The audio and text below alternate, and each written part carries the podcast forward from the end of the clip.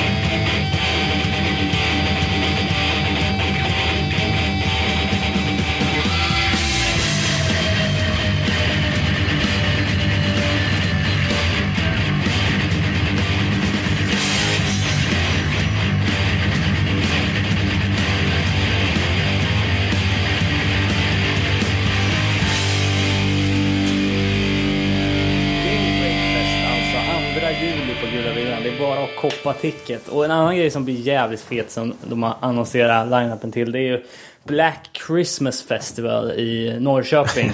eh, jag är så jävla nöjd för äntligen kommer det norska bandet Take till Sverige. Ja, det är han med penis ur gylf. Exakt, den klassiska Penis ur gylf-bandet. Rock out with your cock out bilden. Har du varit på det där någon gång? Nej, det har jag faktiskt inte. har du något? Det lät som du ville. Nej, nej, nej, jag vill bara vara nyfiken. Det lät som en kommentar med oerhört mycket värdering. Ja, det är så jävla pajigt namn. ja. Jag, jag trodde såna här ritualmördande satansdyrkare inte... Jag tror de hade, Hade humor. lite, mer, lite mindre självdistans än att gå på Black Christmas. Jag menar det. Eh, men, Vad var det mer då? jo, eh, utöver Take så är det Unleashed. Gamla Stockholmsdödsarna va? Precis. Eh, Rotting Christ från Grekland tror jag de är. Eh, Eller är de italienare? Skitsamma. Eh, Necrophagia som väl är någon teknisk jävla eh, dyngmangel från USA. Eh, och Altair som är Stockholmsband.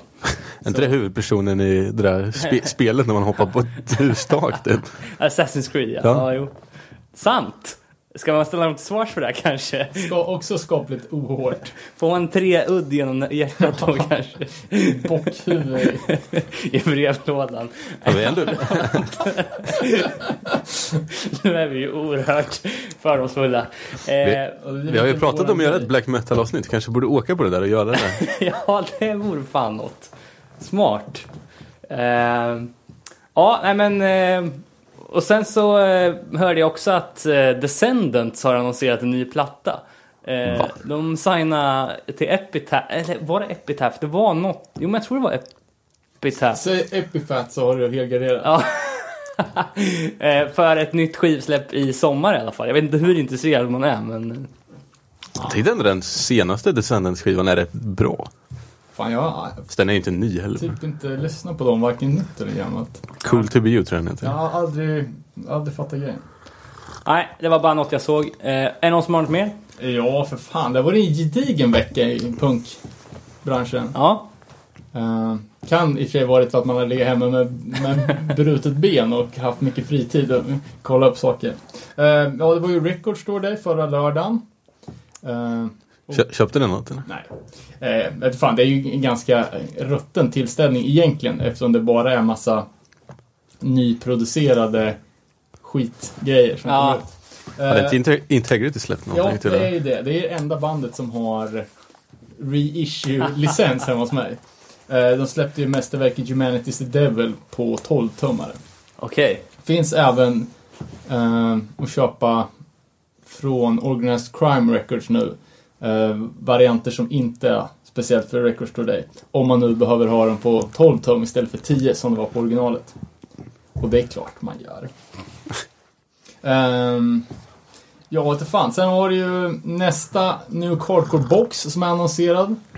Uh, jävligt udda uh, innehåll. Det är Reagan Youth som släpper en två tums, eller två sjutummare och två CD-skivor i en box. Och jävlar. Är det inte samma låtar på skivorna, CD-skivorna som på sjuorna? här? Ja, de har ju inte så jävla mycket låtar att ta av, så det antar jag.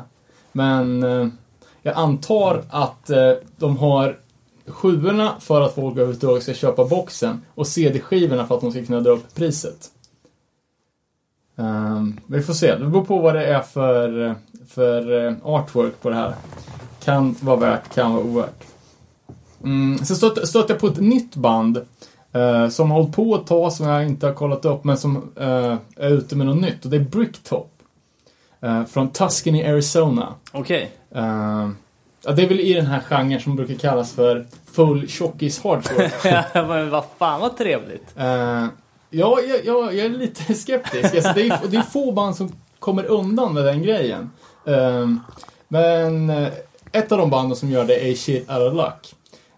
Och Blood for Blood är väl någon typ av pionjärer i genren kanske. Såklart. Men det är lite så här, Men det är ju mer punk än vad det är hardcore. ja men det är lite oj, lite, lite rock. Mm, precis. Eh, Svängigt liksom. ja. Partymusik. Ja, fast om man vill hålla det till hardcore liksom. Ja, men precis. Jag, jag, fan, jag, jag, tror, jag tror det kan bli fett. Skivan heter Thug Rock. Vet du att de är tjocka eller antar du bara att de är tjocka? Det hör man ju fan direkt. Um, um, tyvärr såg jag att en snubbe i bandet hade fulla armarna med Flames-tatueringar. Jag vet inte fan om jag, vågar, om jag vågar rekommendera det här. Men man får kolla, kolla bilda sin egen uppfattning. Du har lyssnat eller? Ja, för fan. Ja, du har gjort det. Eh, det, är, det är schysst alltså. De har feature från Lars Fredriksen. Ah, Eh, och även gör de en låt med Fatskin som är bra. okej. Eh, ja, ja, fan, man får Ja. kolla upp själv. Eh, sen har ju Bostons Firewalker gått nu då på rekordtid. Från demo till liveinspelning. eh, jag menar, liveplattan brukar komma som femte släpp för ett metalband typ. Men det. nu har Firewalker släppt en eh, live-tape på Moshers Delight. Eh, som kan vara värt att kolla in. Live-tape alltså. Ja, Morsers, Morsers Delight kör ju... De har ju en serie med eh, live-tapes med typ de nya hypade old school-banden. Okej. Um, så, ja, fan, det är ju värt. Kostar fe- fem dollar. Eh, schysst. Eh, sen är f- franska fronten. Nytt band med medlemmar från Lions Law. Eh, Bromure. Är du säker på att det är det korrekta uttalet?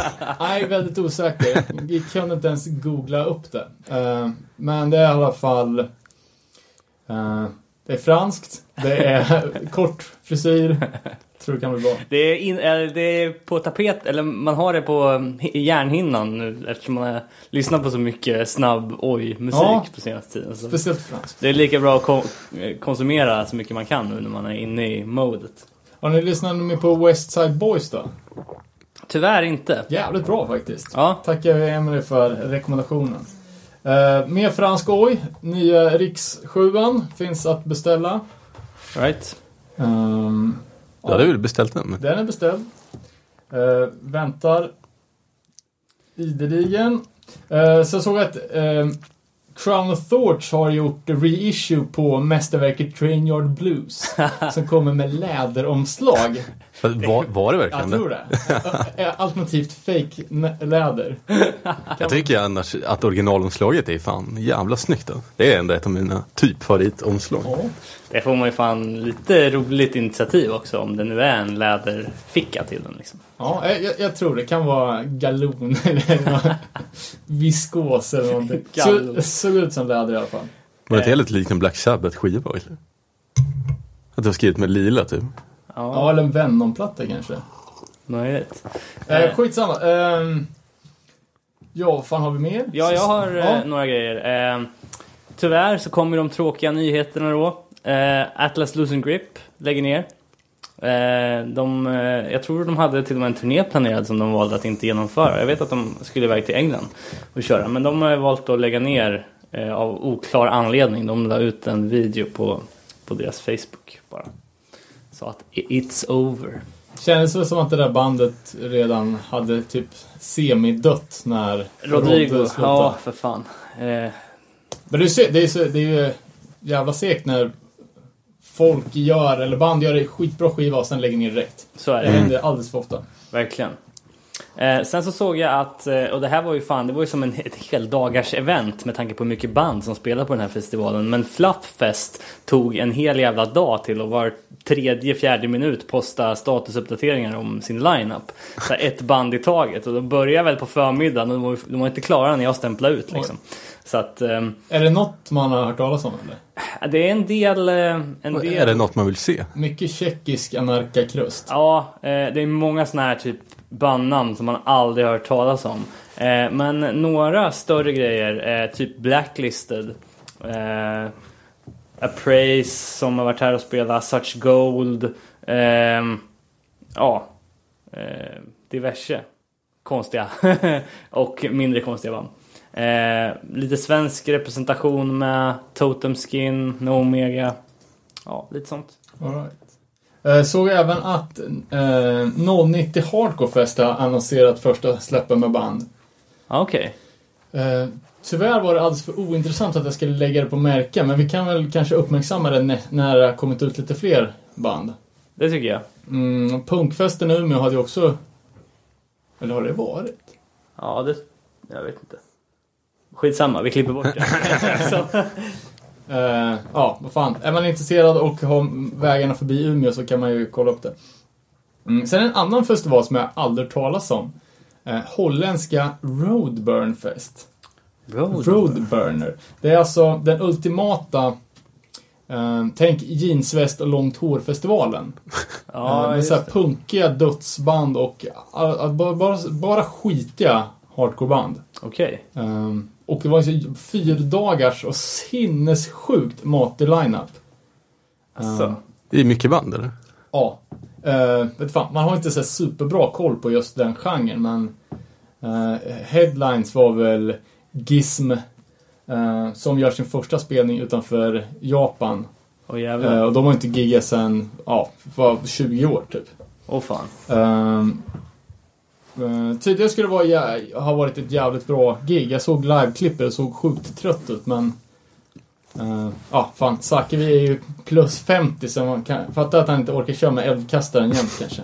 Jag hoppas jag är inne på rätt sida här och kollar, men jag ser att det är ett band som spelar på den här festivalen som heter Dool. det känner vi igen. Nej, ja. Just ja, fan. Beckna Dol, Dirka Ja. Satan. precis. Vi måste ju få reda på vad det är. Ja, har vi, har vi gått ut och sagt något om det här i podden? Om att, vi, om att vi undrar vad fan det är, betyder. Beckna Dol och dyrka Satan, var det eh, Luke som sa i någon intervju? Ja, du lilla syster eh, Sticker. Ja just det, så var det ja. Från muggen på Bröderna Olsson. Sjukt smalt, men om ni vet vad Beckna Dol betyder, sänd iväg ett meddelande till oss. Eh, ja, det är spännande med festival i Holland om inte annat. Det är ganska nära. Så det, ehm, ja, ett band som jag tror jag skulle vilja spela på Roadburner är ju Stockholmsbandet Switchblade. Ehm, som eh, jag inte har hört ett ljud från sedan tidigt 2000-tal. Ehm, men de verkar ha varit aktiva hela tiden. Eh, s- släpper en fyra låtars Uh, tolva kanske. Okej, Eh, och det bästa med Switchblade är ju att alla deras släpp heter just Switchblade. Så de har typ sex fullängdare som heter likadant. Um, de verkar dragit ner rejält på tempot och eh, enligt eh, deras Facebook så är det nu Doom Avantgarde Experimentell. jävlar i Eh, helvete. jag har för mig att det var ett Power of Violence-band, men eh, de, kanske, de kanske lägger om stilen efter de rådande trenderna. Just det. Eh, sen är det någon som inte lägger om stilen så mycket i No Saving Grace. Uh, utan två nya låtar. En jävla banger till, till platta där måste jag säga som, som låg på Spotify. Ja, Eh, Men var det, var det bara två nya låtar? Var det inte fyra? jag fick för mig att det var en hel, en hel Ja, eh, för fan. EP liksom. Jag fattade bara som att det var två. Men det här har ju själv promotats sönder. Jag tycker jag sett det så fort man öppnar ögonen så är det någon, någon typ av eh, No Saving Grace eh, reklam i flödet. Men uh, var sjukt stabilt. Låter som vanligt fast uh, fan bättre produktion. Bra låtar, allt. Ja, och en allt int- gött. intervju på ID, Idiotech också tror jag som... eh, som Ja, vad fan, det är nog polskt eller? Ja, exakt. Eh, men det som finns på Spotify är ju eh, den här Hell to Pay grejen. Eh, Och det är nya va? ja, och det, Ja. det är ju bara två låtar på den. Men jag fick, jag fick för mig att det var mer. Eh, Men det kanske bara är för att man har en playlist med allt det där och det går ihop. På något sätt. Ja, de har väl gammalt material där också. Ja. Eh, sen eh, nytt annonserat gig på Cyklopen 8 maj. Eh, Ajax, som vi nämnde förra avsnittet. Just det. Eh, New York stök hardcore. Spelar med tillsammans med Powerface och Halshugg. Oh, jävlar. Jag var tvungen att läsa eh, bandnamnet typ tre, fyra gånger innan jag fattade vad det stod. Jag tyckte det stod Hail Slug. Vilket hade varit coolare. ja, verkligen. Eh, Cyklopen, coolt ställe, coola band. Verkligen. Det får vi... När var det här sa du? 8 maj, så det är väl snart. Sweet. Eh, annat bra band, Stilett. Ah. Spelar in efter mycket om och men. Okej. Eh, ja, och det är man ju taggad som fan på, att det ska komma ut. Fan, det har varit mycket bra, eh, bra gig. Eh, jag vet, Rövsvett spelar ju på 44 här i, i helgen tror jag. Fan vad episkt. Och sen så eh, var ju Refused här i stan också. Men jag vet inte, det var ingen som vi kände som var där och kunde ge lite. Jag tror väl säkert att några var där och jobbade, men Ja. vi får väl fråga, fråga ut folket. Yes. Eh, ja, det var ju också eh, li, lite feedback eh, från, från gammalt att eh, Integrity hade spelats på P3. Ja, just det. Alltså. Och även nya svenska bandet Lawgiver. Mhm, ja just det. Eh, Vi blastade ju lite lågiver här innan och... ja, för jag, jag sa ju förra gången jag snackade om att det här låter som någonting, men jag vet inte vad. Nu har du kommit på Nu det. vet jag det. Megadeth. Det hade du fan rätt i. Vi gjorde en liten snabb eh, audiojämförelse här innan. Men vi kan ju slänga in den här nu. Vi kör en lågiver-låt och följer upp med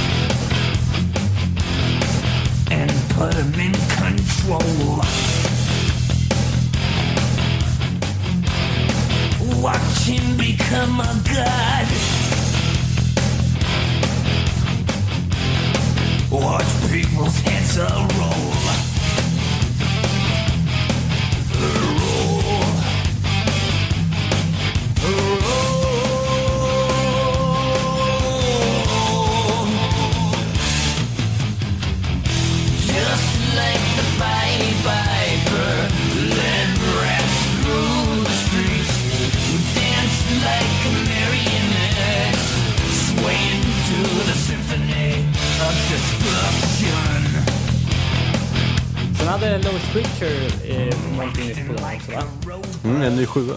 Ja, precis. Eh, Det kom upp en ny låt därifrån idag. Jag tror hela sjuan var uppe Jaså? för streaming. Från eh, Powertrip Records va? Japp. Det finns på Bandcamp. Om man kollar på Powertrip Records Bandcamp så finns alla deras prylar. Eh, Även eh, låtarna från gamla serien finns på stream där. Gamla serien, gamla sjuan. Alright. Eh, sen snackade vi ju en gång om att Holly Flanagan, ex-Chromax, eh, hade gjort en bok. Kommer du ihåg det? Han, skrev, Ja. han gjorde en diktsamling som 12-åring. Eller kanske ännu yngre. Eh, med eh, Allen Ginsberg som, som förordsskrivare. Som har fått någon typ av hype i eh, svårare kulturkretsar. Jag hittade den här på en eh, så här, auktionssajt typ för, för böcker. Typ eh, böckernas svar på Discogs. eh, så om någon ligger inne på 950 dollar så kan man få läsa boken eh, The Shopkeeper and His Donkey. Stories and Illustrations by Harley. Varför, varför är den så pass dyr? För att den aldrig är utgiven? Det är ett ex bara? eller? Nej, den är utgiven men den är väl... Eh, Super rare? ja, och sen Ginsberg-grejen. Ja, visst. Eh, Vad sa du? 900 dollar? 950 dollar. Han, lär ju köpa den ändå. Charlatan Press 1976. Fy fan. Ja. Ehm, Eh, sen lite tråkiga nyheter från igår. Eh, Big Frank eh, från Care Nation och eh, eh, Nemesis Records, grundaren, eh, ligger i koma efter en hjärtattack. oh fan. Um, ännu en Orange County-legend som som eh, Spel, spela illa på sista ackordet. Ja. Kanske repar sig. Ja. Eh, Fan vad mer? Ja, eh, jag gillar ju att slänga in lite black metal-nyheter då och då. Så jag får väl säga att av, i, på avdelningen med rubriken Buttericks så har vi en ny video från. Mortis. ja, exakt. Har jag berättat? Jag har väl berättat om eh, min polare som repade ihop med Mortis. Nej. Nej, va? jo. Repar Mortis? Nej, men eh, så här var det att eh, jag hade en, eh, en gammal klasskompis på universitetet. Han var tio år äldre än mig så han spelade mycket trummor i Linköping 2000-2002. Och så där. Och då bodde ju Mortis eh, i Linköping. Eh, What? ja, eh, och... Eh, Jag är säker på att det inte bara var någon annan kort kille Nej, som ser ut som ett utan- troll. Eh, det här var ju, eh, det kanske var ännu tidigare, slutet av 90-talet. Eh, hur som, han var där i alla fall och de repa. Det kan ha varit att de repa inför en turné och han var studiomusiker, men att de körde där då. Eh, och då brukar de mobba honom, för han hade ju alltid på sig de här älvöronen vet du, när han gick ut på stan.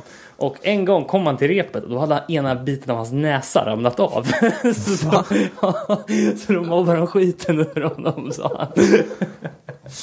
ja, nej, då, Jag mig att jag läste en rolig historia om han skulle försöka hitta en taxi i New York fullt, fullt trollklädd. Typ. jo, men han var ju die hard med det där. Eh, Jo men typ taxibilarna vägrade ju stanna.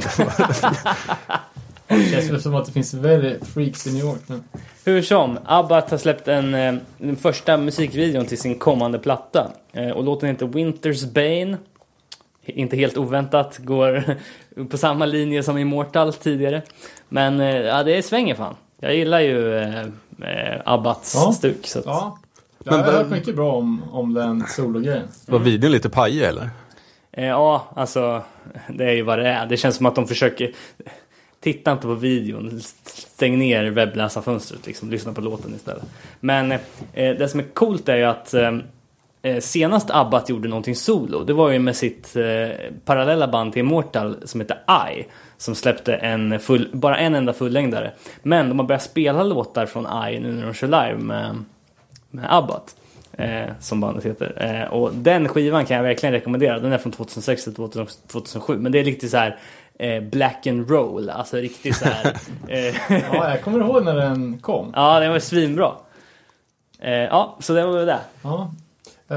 Liten bara om Turning Point som vi nämnde förra avsnittet som är aktuella till förmodligen kommer headlina This is Hardcore.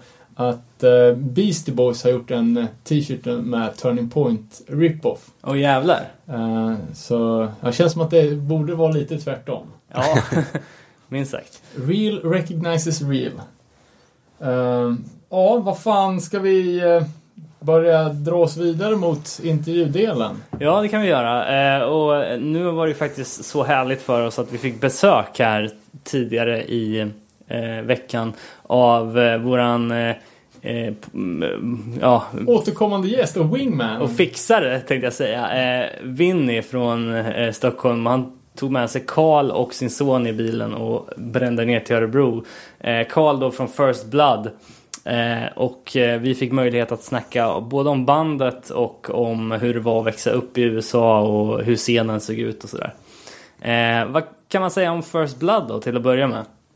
Eh, ja, det är ju fan, det är ett av de, ett av de största hårda hardcore-banden, inget snack om det. Ja, verkligen. Um, slog ju igenom alltså, nästan direkt på, på demon som kom tidigt 2000-tal. eh, samtidigt som, som Terror. Ja, jag vet. Själv fick jag nog inte upp ögonen för dem, eller öronen för dem snarare eh, förrän de släppte California 2006. Men de har ju spelat jäkligt mycket i Sverige. Boris har ju pimpat upp dem på Deadfest och så vidare. Eh, Ja, de har spelat i Örebro ett par ja. gånger också. Det är ju ett ba- band som turnerar jävligt flitigt och eh, Alltså, jag tycker att det är ganska smakfullt att de har släppt så pass lite grejer. Om man till exempel jämför med Terror som har funnits lika länge. mm. Som har gjort för Tio. mycket plattor. Eh, First Blood är nu aktuella och kommer släppa sin tredje, tredje platta. Eh, Ja, på, vi- på tio år plus. Eh, då hinner man fortfarande hålla sig ajour med, med vilka låtar det är som gäller.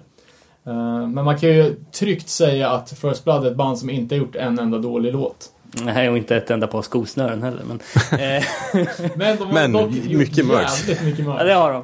Eh, men eh, vi kommer gå igenom eh, uppkomsten till alla de här plattorna. Eller alla de här tre plattorna, ska vi säga. Tanken bakom First Blood har ju varit väldigt politiska och nästan lite konspirationsteoretiska till och från. Så att det blir mycket snack om det. Eh, så jag tycker vi bara hoppar rakt in i intervjun här med första frågan som vi ställde som var hur Karl kom in på hardcore.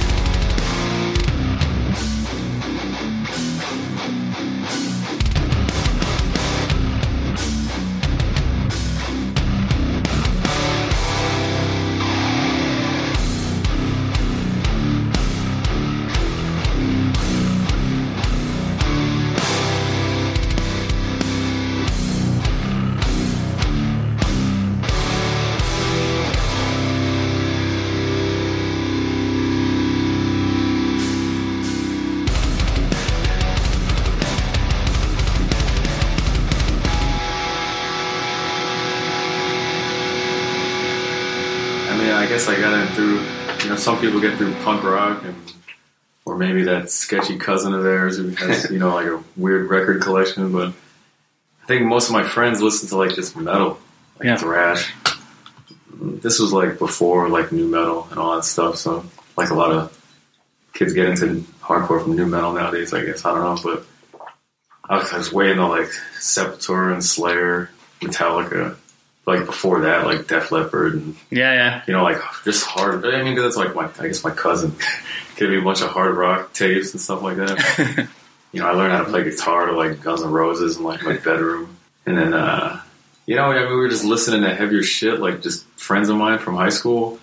You know, and it's always this one guy. He's like, "Hey, man." You know, we were talking about some death metal band, and he'd be like, "Yo, you ever to Madball?" and I'm like, "No." He's like, "Oh, that's hardcore." I'm like, "All right." And I listened to that. I was like, I mean, it just sounded like all the heavy good shit without like the solos and stuff. you know? Yeah, yeah. It's like, oh, this is cool. You know, I, you know, I, I couldn't say I'm, I was a hardcore kid then. You know, I was just listening to everything. You know, and then uh, I guess I was like, it was like a summertime. I remember I was walking. I was I was out with my friend's family. Like they went to some place in the summertime to like go to the beach or something. We were walking around the town, and some dude just comes, "Yo, man, you like hardcore?" And I'm like, you know, some dummy who just listened to everything. I'm like, uh, yeah, yeah, man. so he has me some tape, you know, it's like some band from Long Island. I think it was like Sub Decay or something like that, you know. Oh, was yeah. like some yeah, some band that I think they were some part of Long Island they're from Mastic or something like that, I don't know. So from that point on we started like just, you know, it's like all right, we started listening to all of Madball and Sick of It All, just 'cause, like those are like the New York bands like around us, you know. Yeah. I'm like How old were you? I was probably like 16, 17, you know? Like and what year was that? 93 or something, 94, maybe, maybe 93 or something. I don't know. It was like mid 90s when I was like really kind of like into my, like my super death metal, thrash metal phase, like playing my electric bass in my bedroom by myself, like every day after school, and then like having kids like saying, "Oh no, man, you gotta you gotta check out hardcore," you know. So I was like, all right, it was like all the New York bands, and you know, like when I went away to school the first year, it's like my my first roommate, like his his cousin was the drummer in Earth Crisis or something. No, the drummer in Snapcase or something. Like it was like Oh. related somehow, but not by blood. It was like a weird thing. I'm like, all right, I guess he's your cousin or whatever. So that's when he was getting me on like Snapcase and Earth Crisis and a lot of like the upstate like hardcore bands from like New York. And I was like, I guess from there, that's when I just started really going to shows and. And then I guess that's when I could say like, yeah, I'm into hardcore, like Yeah, going out to shows and meeting people and like seeing what like the scene's about. You know, bef- before that, I was just like some dude in my bedroom, like Yeah, yeah. you know, just taking in anything. You know, But you, so you weren't making music before you got into the hardcore scene, or did you have a band before that, or uh, just playing on your own? I mean, I played violin. All right. You know, like, my dad was like way into classical, and like I started early, and my dad always put me in these like kind of like orchestra. You know, we would do these competitions like every year or something like that. My dad was always yelling at me to practice, practice your violin, and then as soon as he saw that I discovered like a guitar, an electric bass, it was fucking done. You know, like my dad hated it. he didn't consider it a real instrument, or Oh, no, I hated it. I fucking hated it. Every, I mean, he never. I, think he never. He never gave into it. You know, he never accepted the fact, like, all right, he's not going to want to practice violin and maybe get a music scholarship or something. you Yeah, know, yeah. some like real music thing. You know, I mean, but you know, I had some friends. Some, you know, my best friend at the time played drums, and I knew another guy who played guitar, and we.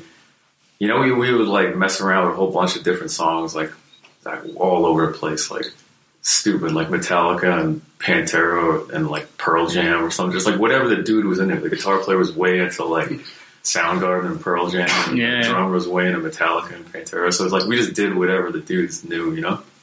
But like when I went away to school, it's like I, I I didn't need anyone like who played hardcore music right away, at least, you know. So I was just going to shows and listening to stuff, you know yeah, wasn't until like maybe like my second or third year of like college, like university, like I met some dudes and you know we had a hardcore band, like a kind of like a youth crew band called like Fist of Fury. Like those dudes. Are, like, yeah, Bruce Lee on the cover, but like all that stuff. Like, um, yeah, I was like some dudes from upstate, and that was like right before I moved away from New York to California. But I mean, that's like, yeah, I mean, I, not to jump too too far ahead. I mean, it's like, yeah, I just I didn't play much music with friends at the time. I'd be playing my guitar or my bass in my room by myself, listening to like all these tapes. I mean, it was all tapes because like I, I didn't get into CDs, man. I couldn't do it. all right. I was only dude who had cassette. You know, I would listen to the whole fucking tape from beginning to end. You know, there's no skipping to the next thing on your iPhone or, or like the skip on your CD. thing. Yeah, yeah. I didn't even have a CD player. uh, I think in my house, I had like two double tape decks. You know, like ones you can double, you know, Yeah, double yeah. the tapes. You know, but I just listened and I would try to figure out how to play like every song I heard. Like I All would right. play with my bass and stuff like that. I just didn't know a lot of guys to play in bands. You know, Uh, Where, where did you live at this point? Th- that was like, I grew up in Long Island, like in New York, like just maybe like an hour outside the city. Like I never really went into the city that much when I was a kid. You know, I never saw Madball in the city. I never, I wouldn't. Yeah, I'm going down to see GBC, see it all. Like no, I wasn't. It wasn't like that when I was a kid. You know, I was like trapped in a fucking suburb. Like I just had my bedroom and my tape deck, and like a you know some kind of instrument I was trying to learn. You know, acoustic guitar that I would like smash on the ground if I got mad at something my first electric bass was like a piece of crap. You know, I would, I would just play it all night. you know, until my dad got home from work or something like that. You know, All right. just try to learn it, play it, and it was. I mean, I, that was me learning metal stuff. You know, just listening to the music. Ah, I just want to learn it. It was just so much fun to play this music. Maybe because I was so repressed, like playing other kinds of music. You know, you play an instrument in school. It's, they give you a piece of paper with notes on it, and they tell you, "Hey, play this." Yeah. And you know, don't think about what you want to do. Just do what the paper says. Yeah. He, you can just mess around and play like rock music or whatever, metal or punk rock, something. You know, some kind of some riff. You know, and just do whatever, and it felt good.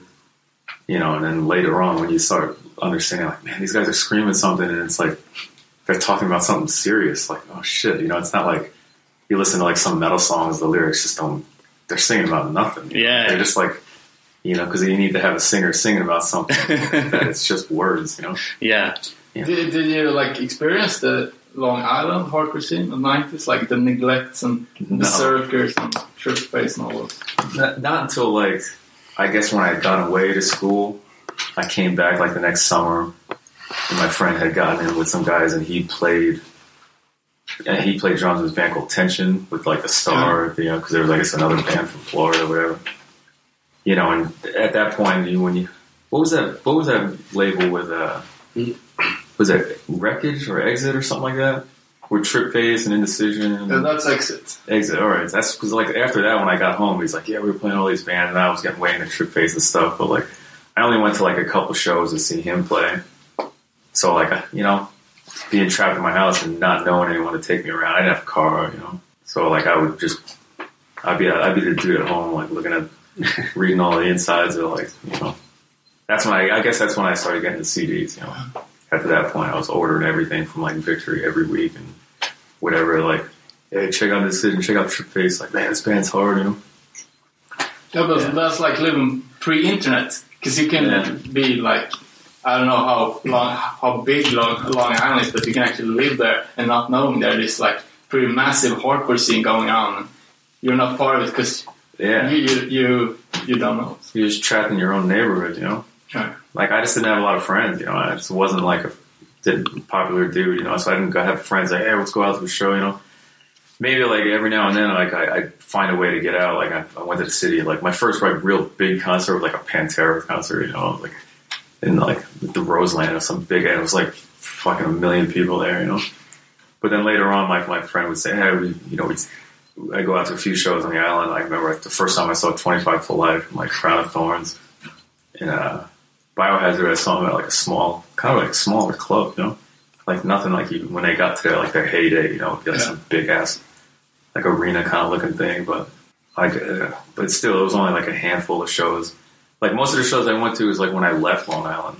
That's when I started going to shows like mostly around like Syracuse and Buffalo, New York. Right. But it's like then again, I would go to shows by myself. You know, I would just I wouldn't know anybody.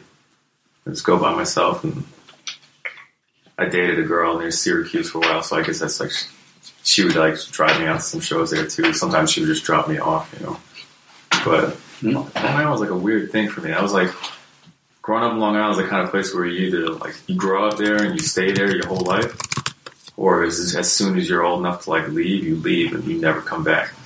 And that's pretty much like where I fell in. Like I left when I was 17. And like, I never lived there again. You know, How far away is Long Island from Staten Island?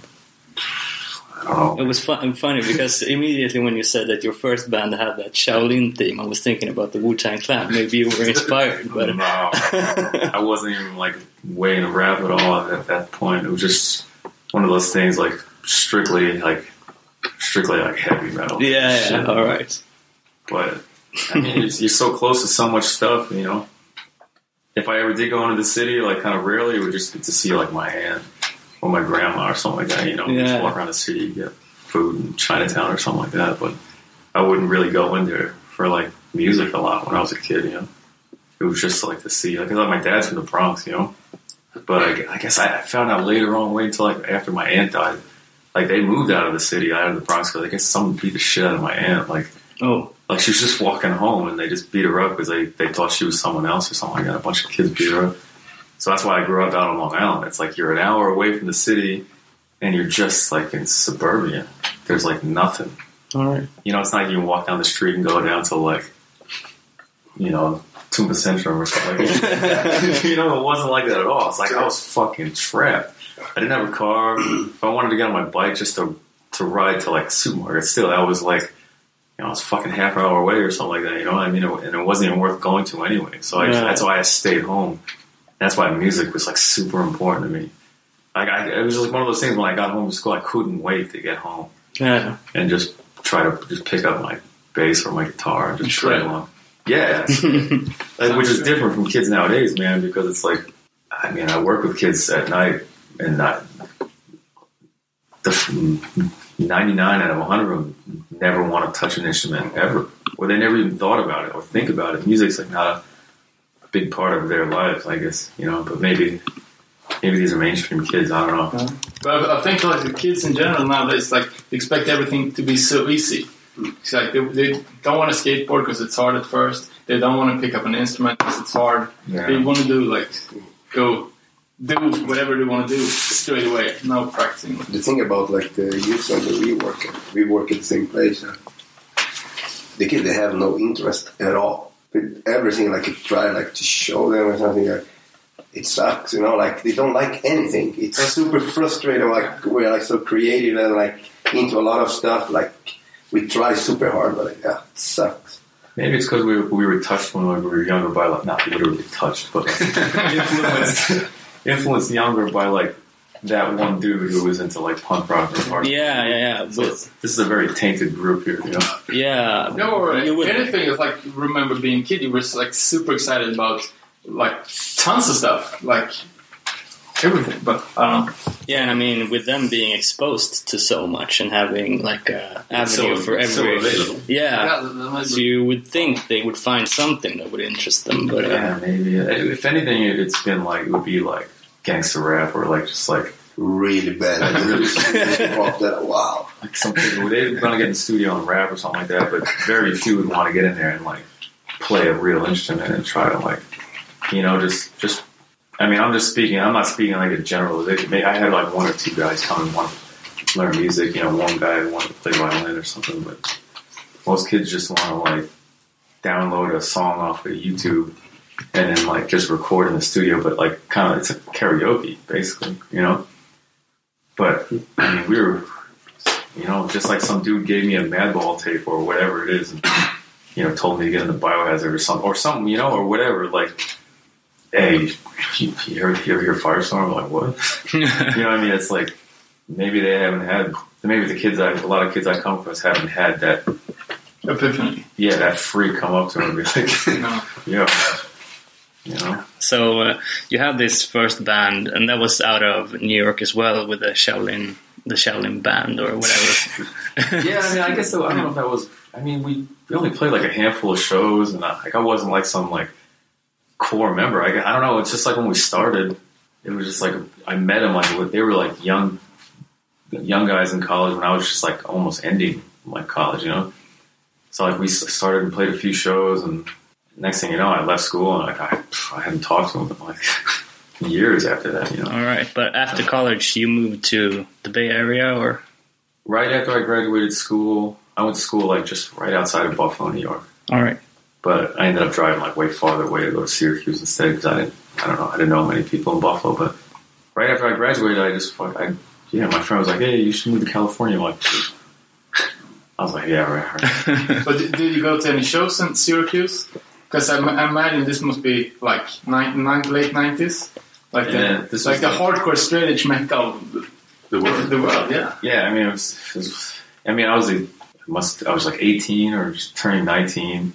I met a girl who got me into vegetarianism. Like, growing up in Long Island, playing baseball, you know, that was another thing I did. But like, and just being around a bunch, of, not talk bad, but you're just a bunch of, just a bunch of meatheads, you know. Like, they don't. Vegetarian was not a word I ever learned until like, you know, I met this girl. I was like, really, man, you're the first vegetarian I ever met, you know. So I got into that, and I was like getting into hardcore and like. And true story, honestly, like I, I didn't like Earth Crisis when I first met them because I thought they were too, too like militant, you know. Right. It kind of turned me off, honestly. And so like, because I, I just thought they would be like the kind of dudes who would like, you know, if you were like eating meat or something like they, you know, fucking punch in the face with like a soy yogurt or something. you know, it just had that. It was like a weird vibe. Just when you come across something so extreme, like you just don't know how to handle it. I didn't know how to handle it because I was a dummy. You know? I didn't know how to like really read into like what they were doing. And then until I, then when I finally put the time and read the lyrics, I'm like, oh fuck, this is like this is like well thought out, serious shit. This isn't like just like you know just some shock, you know, shock and awe type kind of you know Showtime or something. But so like being like a young dude going and seeing them and like going to shows and seeing like Earth Crisis dudes or like Path Resistance getting around to play, I'm like looking on the side, I'm like, whoa, that's that's fucking car Earth Crisis, you know? And like, man, it's DJ Rose or something, you know? It's like, you know, it's like that shit got me excited back then, you know, because that was like a real pivotal point in my life, like becoming vegetarian and like really being like a dude who's like, all right, you know, like, you know, I committed to straight edge and stuff. It's, so it's like that was like an exciting time for me, you know. Yeah, it's So it's like just to see those dudes and end up being able to play shows with them later on, man, that was like a big deal for me. You know, I was like that was a maybe those were the moments that like a lot of kids today maybe don't come across where they, they meet some influential people that like not only just music but like you know when it comes to like you know just living and you know analyzing the world and stuff and just philosophy and all sorts of different things. That was just like pretty fucking man. Those were those were the days for me. That was like an exciting time in my life.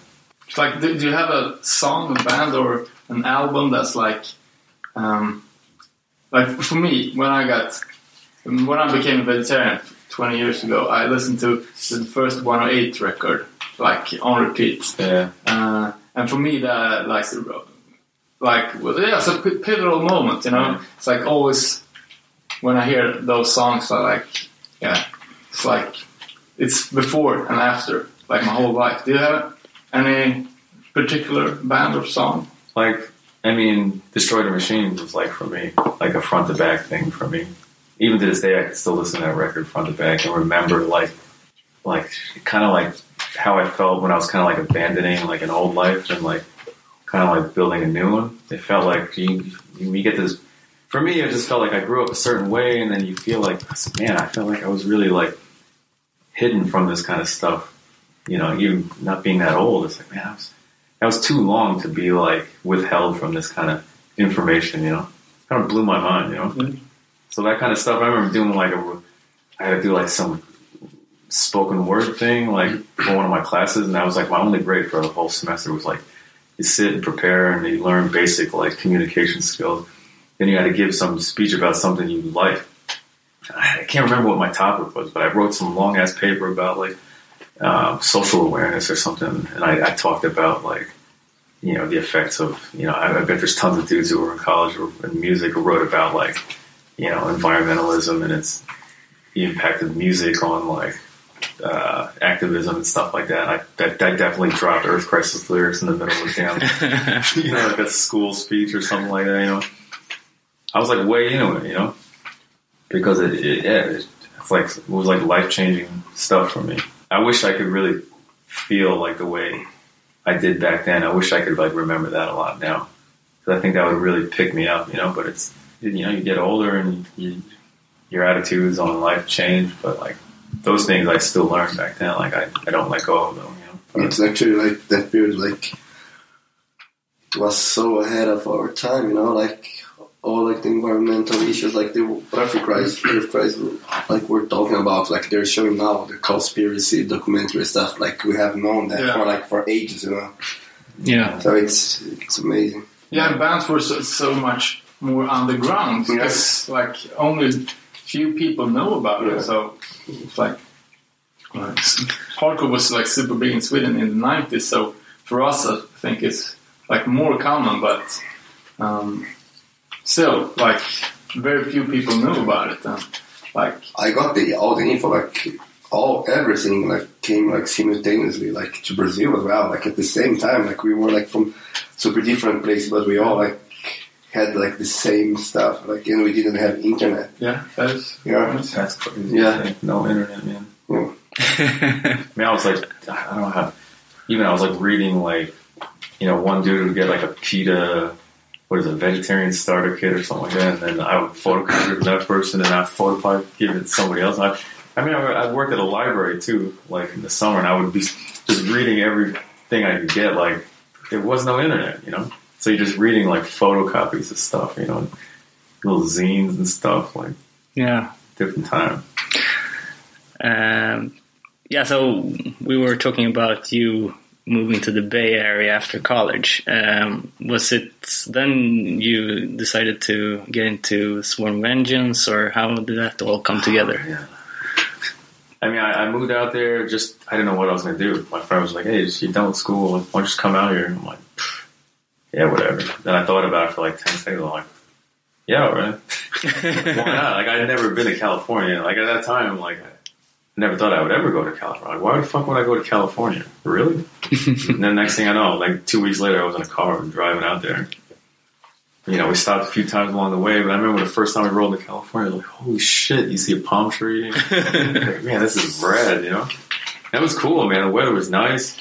You know, I I stopped in like San Jose it was like my first stop because that's, that's where I knew a dude. You know, he was I ended up he was our first drummer in First Blood too. Actually, at the time, or this is like way before that. But like, I didn't know what to do until I met some other old friends from from college who moved to San Francisco, and I and I saw I moved into an apartment there downtown. I was like, fuck yeah, this is awesome, you know.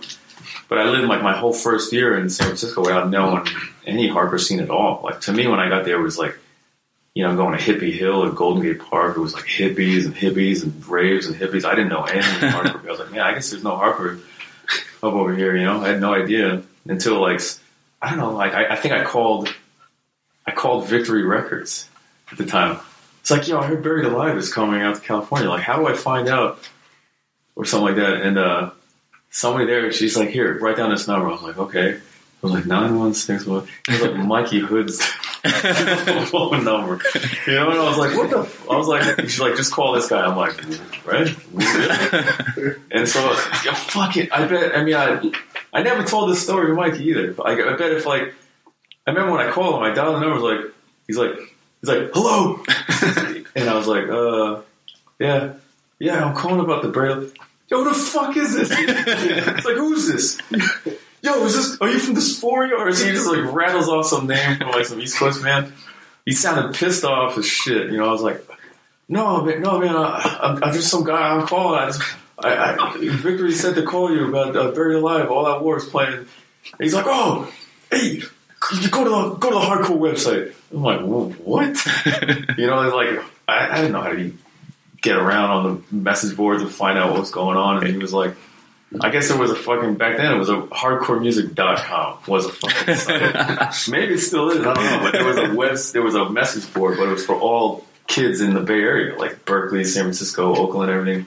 And it was like a bunch of people posted about the show, showing up like the address to, you know. So I drove up to Sacramento's, and I was like, "Fuck yeah!" Because I was waiting to buried alive. You know, I was waiting to despair. You know, so it's like seeing that, I was like pumped. You know, and that, then that's when I met, you know, some dudes like around the Bay Area. You know, I guess I posted on that board, it's like, "Yeah, man, I'm looking to play in a band." You know, or some band was posting, "Yeah, we need a bass player. Our bass player had to quit or something like that." And that's when I, you know, I wrote in, and some guy was like, "All right."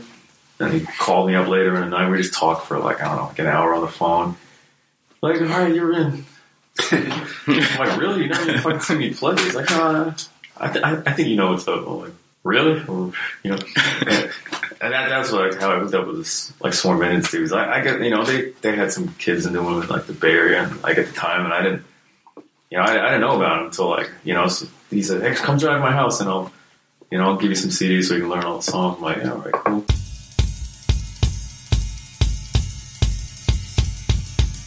Future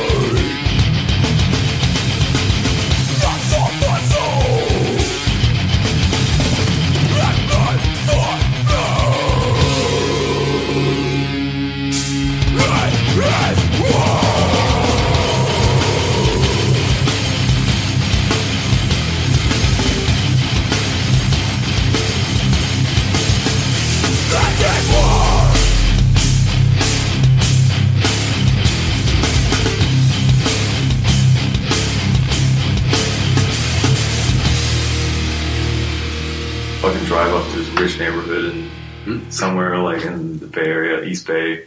The house was like it was like had a fucking elevator, and I was like, "What the fuck?" Valley. It, it- this is like some part of the valley. I don't know. I guess his dad was like some rich dude and gave me a bunch of CDs. I learned the songs. You know, I played a bunch of shows with those dudes for a while. Um, played uh, like in a couple other bands like the Bay Area. Just like you know, they needed somebody, so I jumped in. You know, whatever. Yeah. It wasn't like, yeah, this is my band. Let's get around, and write some songs. It was mostly the bands that had their shit together already. You know, But wh- what are other bands? There's a band called Second Coming from Oakland.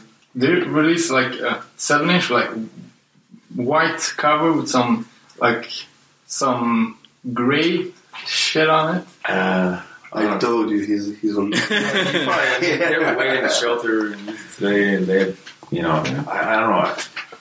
When I, I came in right after they recorded like their first CD, but they had a they had like a an EP or a seven inch before that, and it might have been honestly like I, I I don't know, you know, I don't know what they had out. Like when they had me learning songs, they they gave me like some tape that was like dubbed on it, and like I don't even know if it was an official release or something they had, whatever. But I, it might have been some seven inch songs or something like that.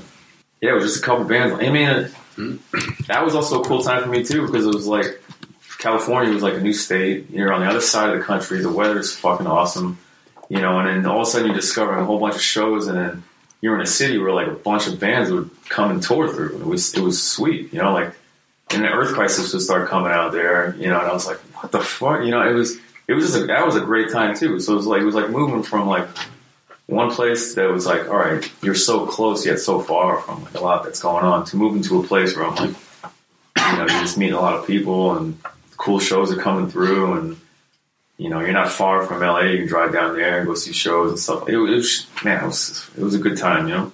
I don't know how else to explain it, you know. Yeah. But thinking about like Sworn Ven is pretty much the only hardcore band that I know from from the West Coast that like around that time. Because like in the East Coast there were like millions of like those East Coast tough guy bands. Yeah. But uh, talking like heavy bands. yeah, exactly.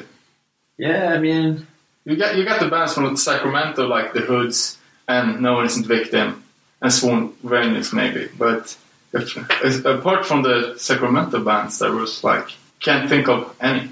Yeah, I, I mean, uh, there was always this rivalry. I think at the time it was always like this little North Bay, you know, like Northern California versus like a lot of the Southern California bands got way more attention, and you know they ended up becoming like 18 Visions, Throwdown, Carry On, like a lot of those bands from like Orange County. yeah, Orange County, Ignited, like those bands would blow up and then go places, you know, and tour and stuff like that. Like, I don't know, maybe like the Bay Area was tight. They had this like reputation, like we, you know, we, we like hard mosh and blah blah blah, you know, all that stuff. But uh, I think they got dogged for a little bit. You know, I remember the first we did a couple like East Coast little weekender things or something like. You know, we had we would fly to the East Coast. We had no shows booked.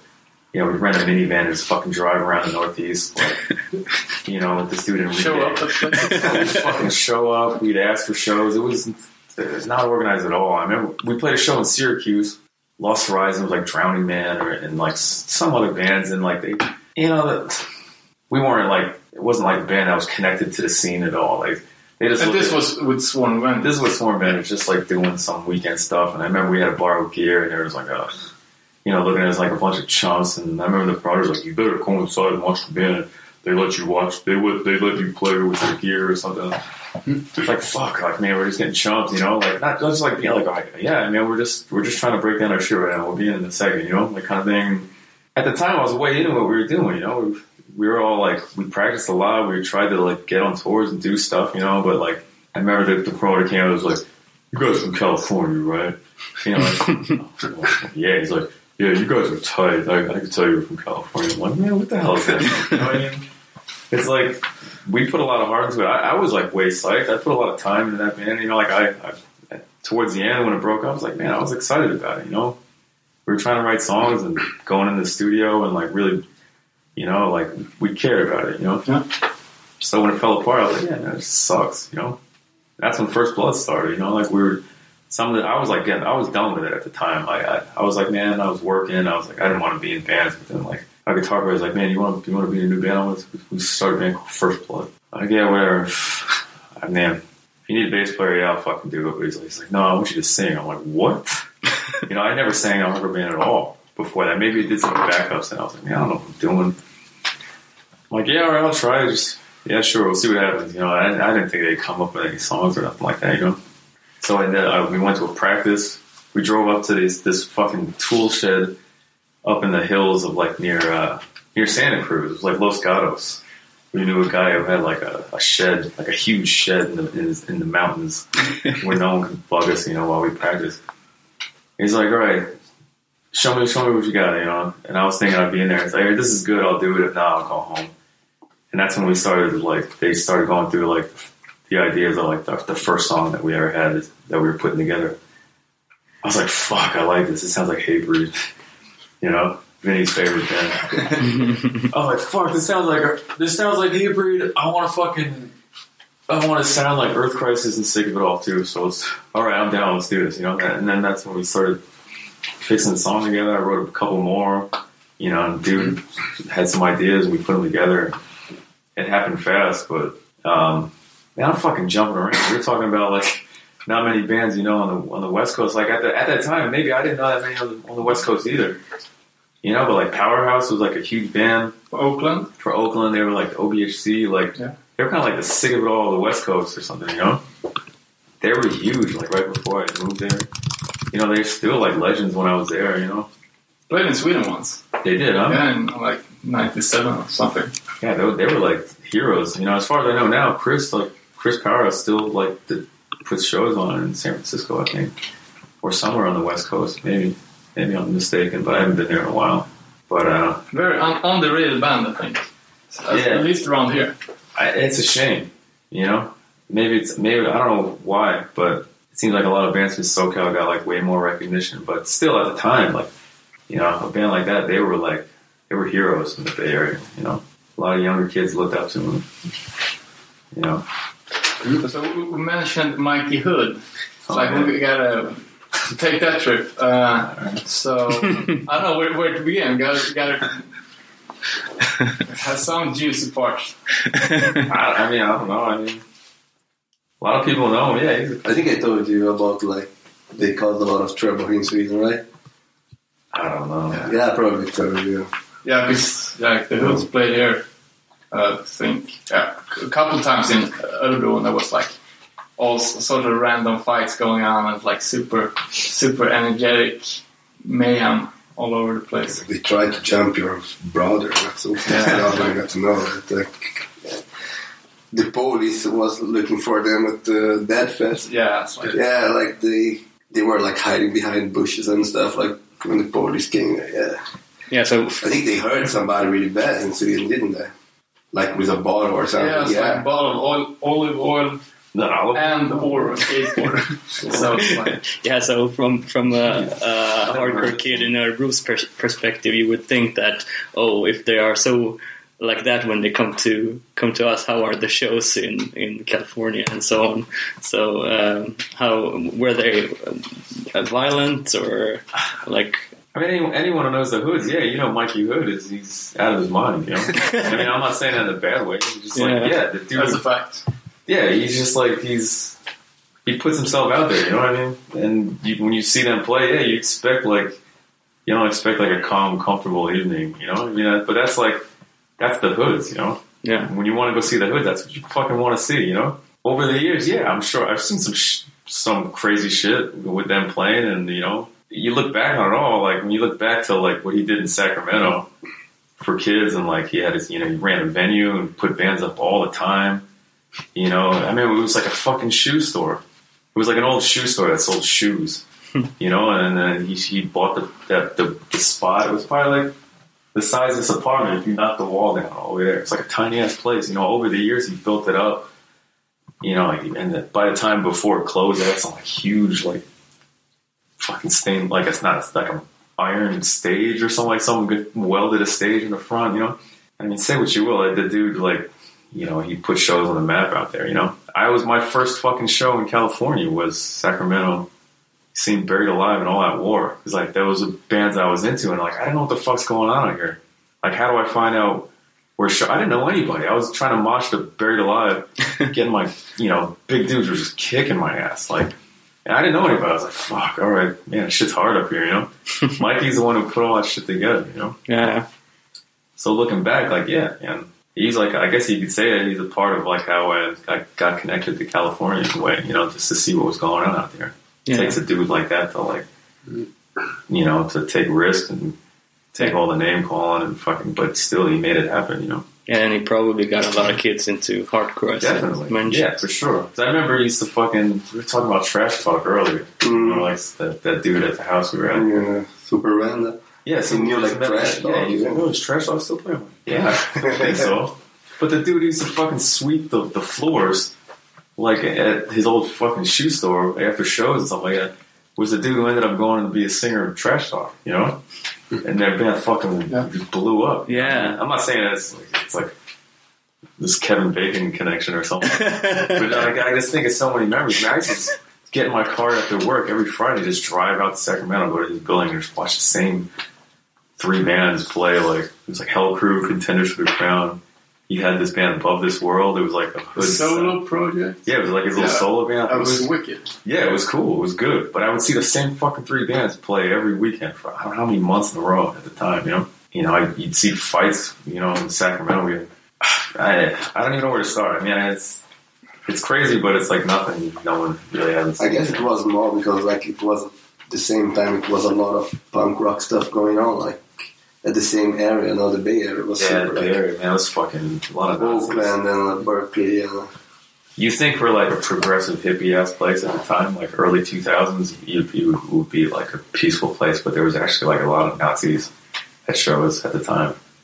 You know, even if a dude got like, like he was suspect, like you fucking Nazi, like you guarantee like that the whole crowd would fucking, the whole crowd would just beat the crap out of him, you know? And I remember there was like some, it was a famous, pretty well known incident like in the Bay for like, like the older kids who were there, like there were, there were a couple Nazi dudes. I think it was Floorpunch or some other, you know, like some big show at this club called the Cocodrie. These, you know, Nazis came out, tried to flex and like just fucking take over the floor. You know, some dude just fucking straight clocked him with like a. I, it might there's might be a picture online you can find it. It's Mikey holding this fucking lead pipe that's like the, twice as long Yeah, I as a think it's baseball bat. just recently saw. I think I've also Yes, seen somebody posted it up as like some Yeah. nostalgic thing, and like, and that that's like a that's a fucking that's a legendary Mike Hood moment, you know. And I remember like I, I wasn't at that show. It might, it might have been right before I moved there, or I just didn't know anybody at the time yet, so I, I just wasn't at that show. But I remember it was like shortly after that, it was like that's when Agnostic Front came out, or no, maybe it was All Out War. I can't remember. They came out again. It was like some huge like fucking Nazi convention. I remember getting thrown to the ground. I didn't really know anybody. I look up and you see a bunch of skinheads. I was like, fuck.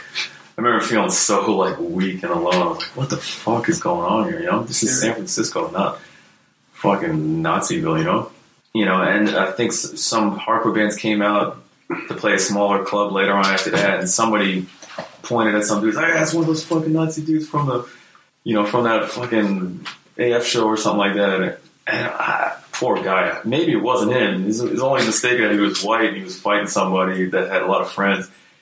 And so he's in the corner. He's like, "No, I'm not a Nazi. I swear, I swear." All of a sudden, you see this fucking like three quarter full like Gatorade bottles go like bounce off the front of his face, and Mikey hit threw a, threw a fucking full bottle of Gatorade at this dude's like a perfect fucking strike, you know, like right on. And it's like, all right, so that guy got beat up taken out of the show, but that, that's a classic moment. You, look back on. you ever seen somebody throw a Gatorade bottle and not? Yeah, it's Mikey Hood, you know. So uh, you you you were talking about how you came to start uh, First Blood a bit. Um, it was less than a year after you started that you released your first EP on Bridge Nine. Uh, That was released. It was a demo first? Like the demo came out on another label. Oh, really? Yeah, it was like a, it was just our website, you know. Like I was a web designer at the time, so that's all I did was sit in front of a computer all day. It was like we recorded one song, and uh, I think I just put it out on, just like or emailed it to some dude. Some guys emailed it around and got all over the message board. And dudes like, "Oh fuck, you gotta check out this, this new Bay Area tough guy, straight edge, mosh band, blah blah blah." I was like, "Oh fuck, I should put all our songs on a website." So I just put them all on our site. And this was like 2002, like summerish kind of thing, you know. And this is before we planned on really doing anything. Like we were just like, man, we'll, we'll play like a couple shows in the Bay Area and stuff like that. Like, you know, I had been slowing down like at the time, thinking like, man, I put so much effort into this other band and fell apart because of, like just bullshit. You know, like, man, I'm not ready to fucking dig into another thing right now. And you know, because I didn't want to want to deal with flakes. You know, so like we did some more songs and put it on the internet, and then like people started talking about it. I guess I mean we started getting shows offers for like down in LA, and I was like, "Fuck, man, we gotta drive to LA now." I was like, I was like, I didn't think we, I didn't think kids would give a shit, you know? It's like I'd just been in like a bunch of small bands, filling in for other bands. You know, I did like that, you know, like my old bands on the East Coast. Either was like playing with some dudes, like trying to rehearse songs, or we do a couple shows. Not not many kids cared. You know, I was like, wasn't, you know, I just wasn't expecting to, to play to people that cared. I guess I don't know, you know. Yeah, because at, at the time it was like pretty unique sounding too. It's like pretty similar to like Sworn Vengeance, like with the dark, like very thick, dark. like down tuned. Yeah, but it's like.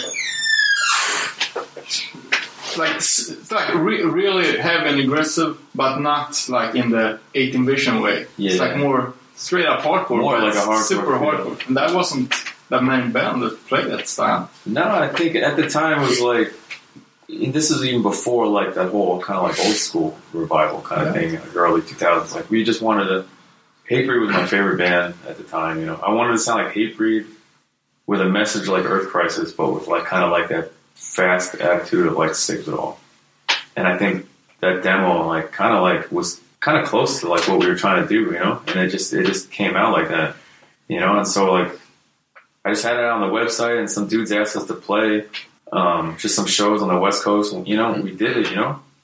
But like right when we were starting to do that, that's when our guitar player, big tall ass Doug, like that's when he they, you know, he was friends with Scott and Todd and all the dudes like in Terror at the time, and they were like, "Yeah, we need a, a mm-hmm. touring guitar player. Can you do it?"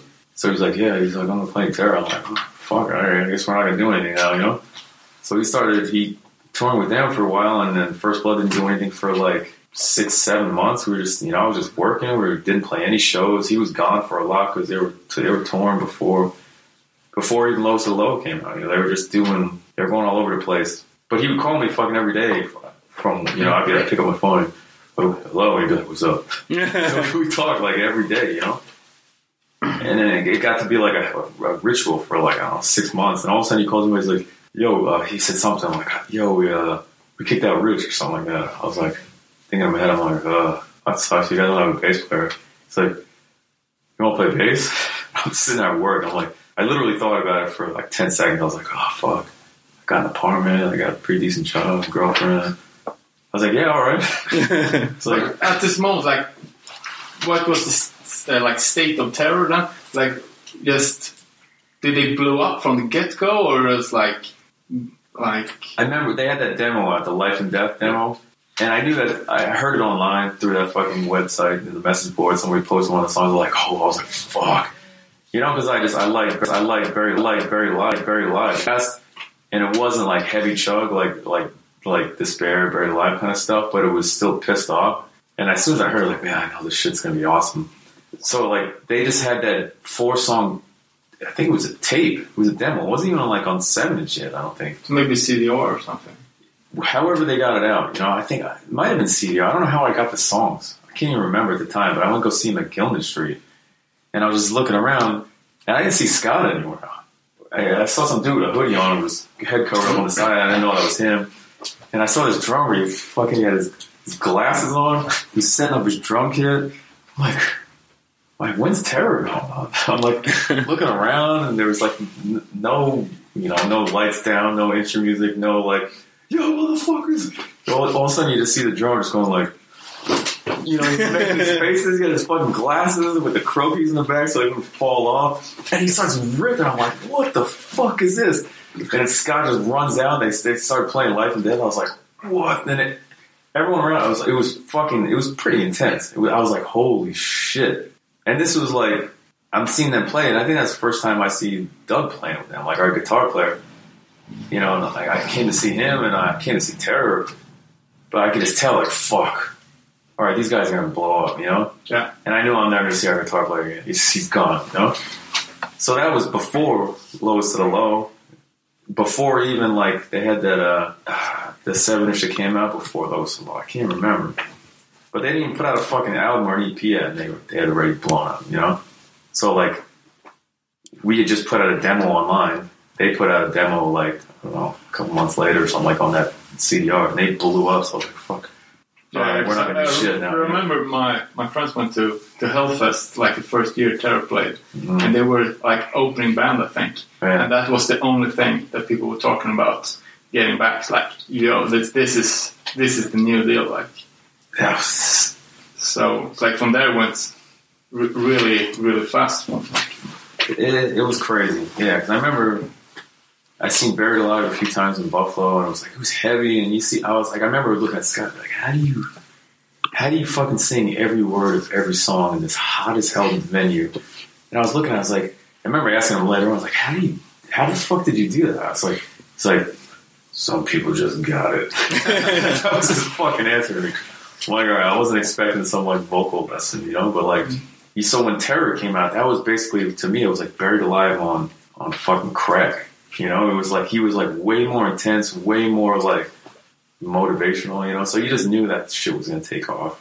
You know, But did, did you start touring with them immediately uh, from the get go after joining the band, or no, actually, we while Doug had toured, did a bunch of tours with them, and he came back, and we were First Blood was supposed to do a West Coast thing. We we did like I can't remember somewhere in SoCal. We were supposed to go all the way up to like Seattle, and before we could even get to Seattle, Doug gets a call on his phone. He's like, "Yo, uh, we need you to fly out to Boston. You're you're you're because you're doing Terror's gonna play Reach the Skies like last show or something like that." So we had to go, and we're just sitting there like, "Fuck, all right, we only got a guitar player." So we, we just fucking drove home. Then the tour, you know, we we had just like not played like the last show or two of that little West Coast thing, but it was only like a four day weekend. wasn't a big deal. But then because he did that, um, dude who, you know, who booked whatever, we got a we got a call as a favor for for fucking up that little West Coast tour. Was he put us on Hellfest? Right. 2003. He's like, oh, we. I'm like, we played fucking three shows ever, and now we're playing Hellfest. Like, I, didn't, I didn't know how to hold a microphone. I couldn't sing for more than 30 seconds of one song, and he puts us on Hellfest, and that that was like that. Was, and right before that is when Bridge Nine was there. Hey, we want to release your CD or put it as an EP. So it was like a lot of people say like, yeah, that EP came out in 03. It's like, well, that's when it was like pressed on that like sub label of Bridge Nine back then. Oh, also, that like Division 36, so that was a sub label. Yeah, that was his like an imprint that he was gonna. It's like he, he pressed it just for Hellfest or you know, and that was like, but those songs had been out for like a year already, like on our, and they were still on our website, you know. So he put it. I mean, I remember like that's when kids still bought CDs. We got this. I mean, when we got to the festival, I wanted to grab some CDs just to have them. I was like, man, like, fuck, this is, you know, and they were gone. You know, mm-hmm. Okay. before we even sh- could even see them. You know, he made a few shirts, they were gone. You know, so like that was like But that's the same recording as the, the demo. same exact. Same. Okay. I, I think I, I thought it just was like you re-recorded or something. no. I, I- maybe they put some EQ on it or something. But I basically Yeah. sent him the MP3s that I had gotten from the studio when we did the demo and wherever we recorded it, somewhere in Oakland, I think. Just sent him the same things. All he did was have some dude make some artwork, put some lyrics in it, and Division 36 on the back, you know. But from that on, that's like that's when, you know, that's when we got connected with uh, that like Division 36 release, and then you know playing in front of all those kids, and at that point then too, it's like that's when Doug gave me the call. He said, "Yeah, we kicked out Rich. We're looking for a bass player. You want to do it?" I was like, "Yeah, all right." So I fucking dropped everything in my life at that point. Like I dropped my apartment, my job, everything. Just put everything in a fucking storage box, and then we just, you know, that's when First Blood didn't tour at all for like, I don't know, three years or something like that because we were just on tour with Terror like nonstop. You know, How was that like being on tour with Terror? I mean, that was like my first like full time touring experience. You know, like seeing like seeing shit. Like Yeah. first time I went to Europe. First time I'm like, you know, like seeing like all different parts of the country like nonstop. You know, it's kind of I guess it was like a learning experience for me too. You know, but it was also it was like being slammed into the middle of it with dudes I didn't even know. Yeah, I was going to ask. You, you must have been quite the experience was- knowing the guys. Oh man, yeah, it was. You realize you don't realize how young you are until you look back on it. You know. Yeah. It's like I used to get fucked with all the time by like the, the merch dude, the the roadie guy. Like, man, you fucking take shit so seriously. I'm like, what the fuck are you talking about? like, I didn't even get what he was saying. I look back now, I was like, yeah, I guess I did. I didn't have a fucking sense of humor, man. And I look back, I'm like, man, it's punishing. Like, I, I wouldn't even want to hang out with myself from like ten years ago because I didn't know how to take a joke. You know, I didn't know. I didn't even know when dudes were fucking with me because they had already been through that whole tour loop where they're just fucking with somebody nonstop. I didn't Yeah. get it. You know. It was it was a learning experience, you know, but it was it was fun for me, you know, to see a whole bunch of shit, meet people, and like you know, it's like it's like what I wanted to do, you know, for a long time. I mean, it had its ups and downs, that's for sure. You know, How much did you tour? It's like constant. the first year I was with him, man, we were never home. That's why I just didn't have a place to live. You know, I just didn't need one because we were just gone all the time. You know, maybe nine months or something like ten months a year. It was like Wow. go from a U.S. tour to another U.S. tour to Europe to a U.S. tour back. Maybe go to Asia or Australia, back to like a U.S. tour, back to some other thing. It was like, but we were all young and fucking we. That's we we committed. You know, we just we did it. You know, you see, you start to see like being in band is like a lot different, you know? And it wasn't like a band where like, yeah, we're five dudes. We all went to high school together. We all had pizza on Friday nights. And, you know, it wasn't like that kind of band. It was like the band had already been like, you know, it's fucking, it already lifted off, you know? Yeah. I'm coming in and I have to find my place in this kind of band, you know? Mm-hmm. And maybe I helped a lot with merch and stuff like that. But, I, you know, I didn't write music. I didn't write lyrics. I was no direction in the band, you know? but I was just happy to be part of like a unit. You know, everyone knew that's like this. We got to be here now. We got to know this for this point. You know, we just have to do our sh- our shit and get it done. There's no like, oh, I I don't know these songs. Like, no, you fucking get in there and you do it. You know. And for me, like, I you know, I kind of like being part of that. You know, it's when it like it kind of got to the point where I wanted to do my own music. That's when I, mm. I would, yeah, I want to go and take First Blood out. You know, and just write what's on my mind and play some of the stuff that I've been thinking about. You know, That was must be like. I I guess you felt that this is like a, pretty much a once in a lifetime chance being in a band that went from nothing to like as much of a hardcore heaven you can like be so fast, like in uh, oh like a couple of years, like. Um, I guess like um, the music. Like, this is like early 2000s, like pretty much when internet came around and you, you got access to the whole world all of a sudden.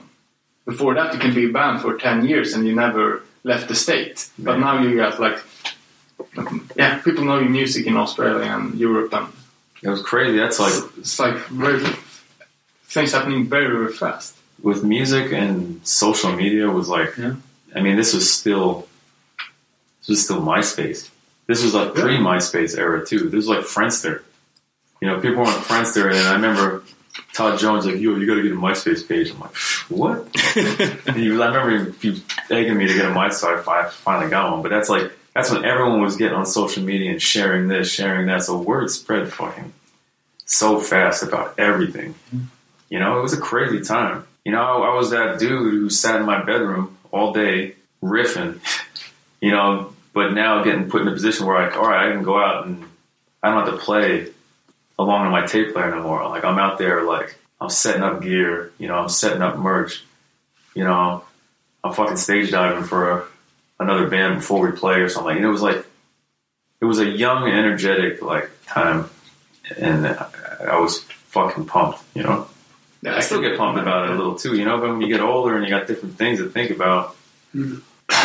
man, I still, I still wouldn't go back and like, if I had said no to doing that back then, I would. That would have been a, a huge regret, huge regret to never have that opportunity.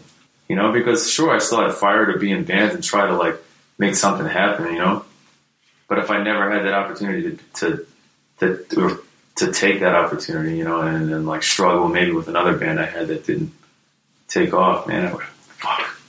To look back on, it, I would would have smacked myself. I should know, you know. Um, so when did you decide to, to quit Terror and like focusing on your your own band? Ah, fuck.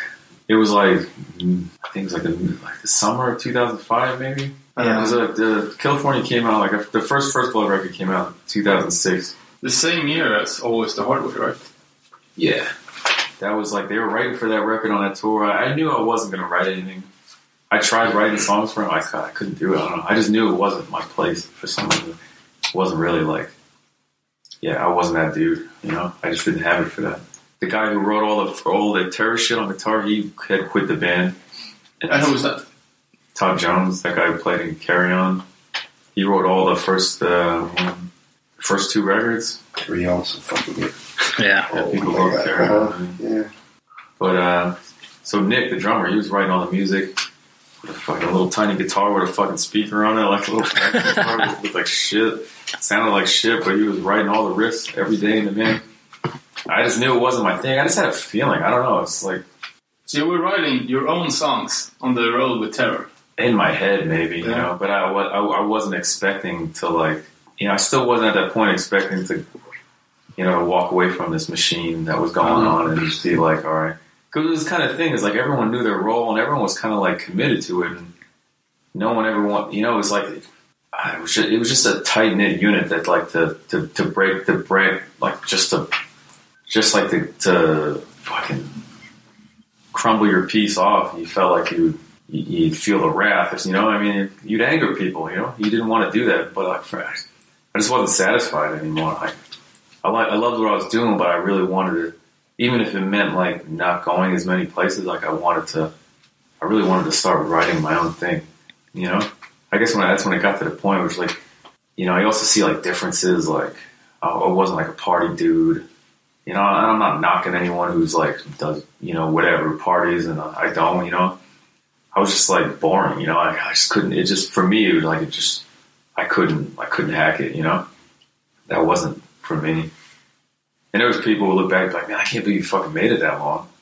You know, you know, it's like I love what I was doing, so I stuck with it. You know, but I just needed, I needed to do my own thing, and that's when I was like, all right, I'm gonna, I'm gonna get home and write a record. And that's like right at the first time. That's like the same time Trustkill said, hey, we should do a First Blood record. I'm like, all right. I just said, yeah, okay, you know, because they put that Terror record out before that. You know, obviously they had a reputation with other bands like for who knows how many years. So I like, I was like, all right, this is the next step. I gotta fucking, you know, I'll, I'll take it. You know, I'll do it. You know, so that's when like that record was kind of rushed. You know, so like Did, did you write all the songs yourself? Or? this is like when we were kind of somewhat resembling a band, you know. We still had like one of the guitar players, like we'd get in the practice studio together and bounce ideas back and forth. We actually had a real drummer in a practice studio. We we just went and practiced, you know, like I don't know how many did you know, we got home from that tour, the last Terror tour I did, got home and we just started getting in the, this room like every few days or so till we had enough songs to put together and we re-recorded some demo songs, so it wasn't even like a full-on thing. It was like a bunch of old songs with a few new ones, you know. All right. And it was kind of rushed just to get a record out, just so I could take my next band out on tour, you know. So it felt like fucked up. I mean, I, I I just wanted to get it done, you know. I never recorded a full album with me screaming, so I was worried about if I'd be able to even do that. I never even written a whole record by myself, like lyrically. I'm like, man, I want to, want to say a bunch of shit, but I want to say it right, and I don't know how I'm gonna do it. It was just all fucking rushed, you know. I didn't give, a, I didn't care about artwork. I didn't do the artwork. I didn't even give a shit about the name. Like California was like something I would never in my whole name a record ever.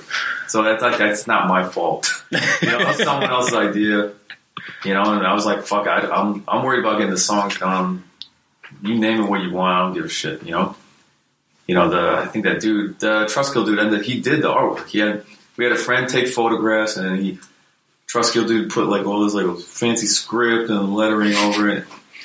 It's like cool, all right, I'll just do it. You know, he's like, oh, and he actually liked the California thing. I was like, all right. Yeah, I like everything Yeah. about it. Like the artwork's like uh, the front cover is super nice. Well, The songs are great. when it came down to like taking photos, like, well, if dudes are like dead set on naming this thing California, like, don't.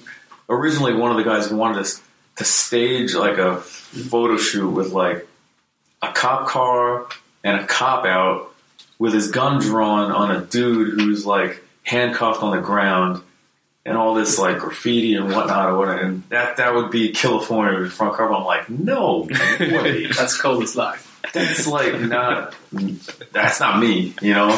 What am I supposed to like roll around in like U.S. on tour with like, you know, pretending I'm like some like you know cop killer or something? I, I don't know, whatever. It, it's just like we ended up just taking like gritty photos of San Francisco that you don't usually see. It's not like Golden Gate Bridge and all these like parks and botanical gardens. It's like shitty rundown industry like buildings that are like in neighborhoods where there's like just tons of hookers and drugs and shit. You know, so that, that was like more like the grimy California like theme of the artwork and stuff like that. But that wasn't like a big focus of mine. I was I was in the studio with the guitar player.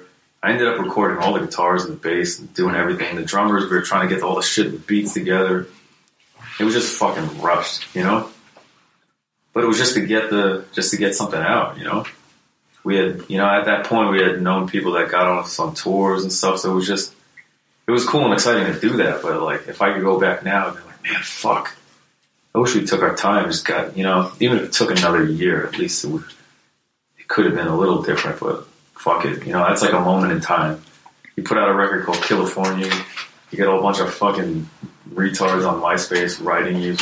You guys totally ripped your name off of Lamb of God. Philadelphia. I can't tell me how many times some fucking bozo wrote in like saying something like that, and I'll be like, I mean, I got to the point. I used to be like, uh, there's shit's called Philadelphia.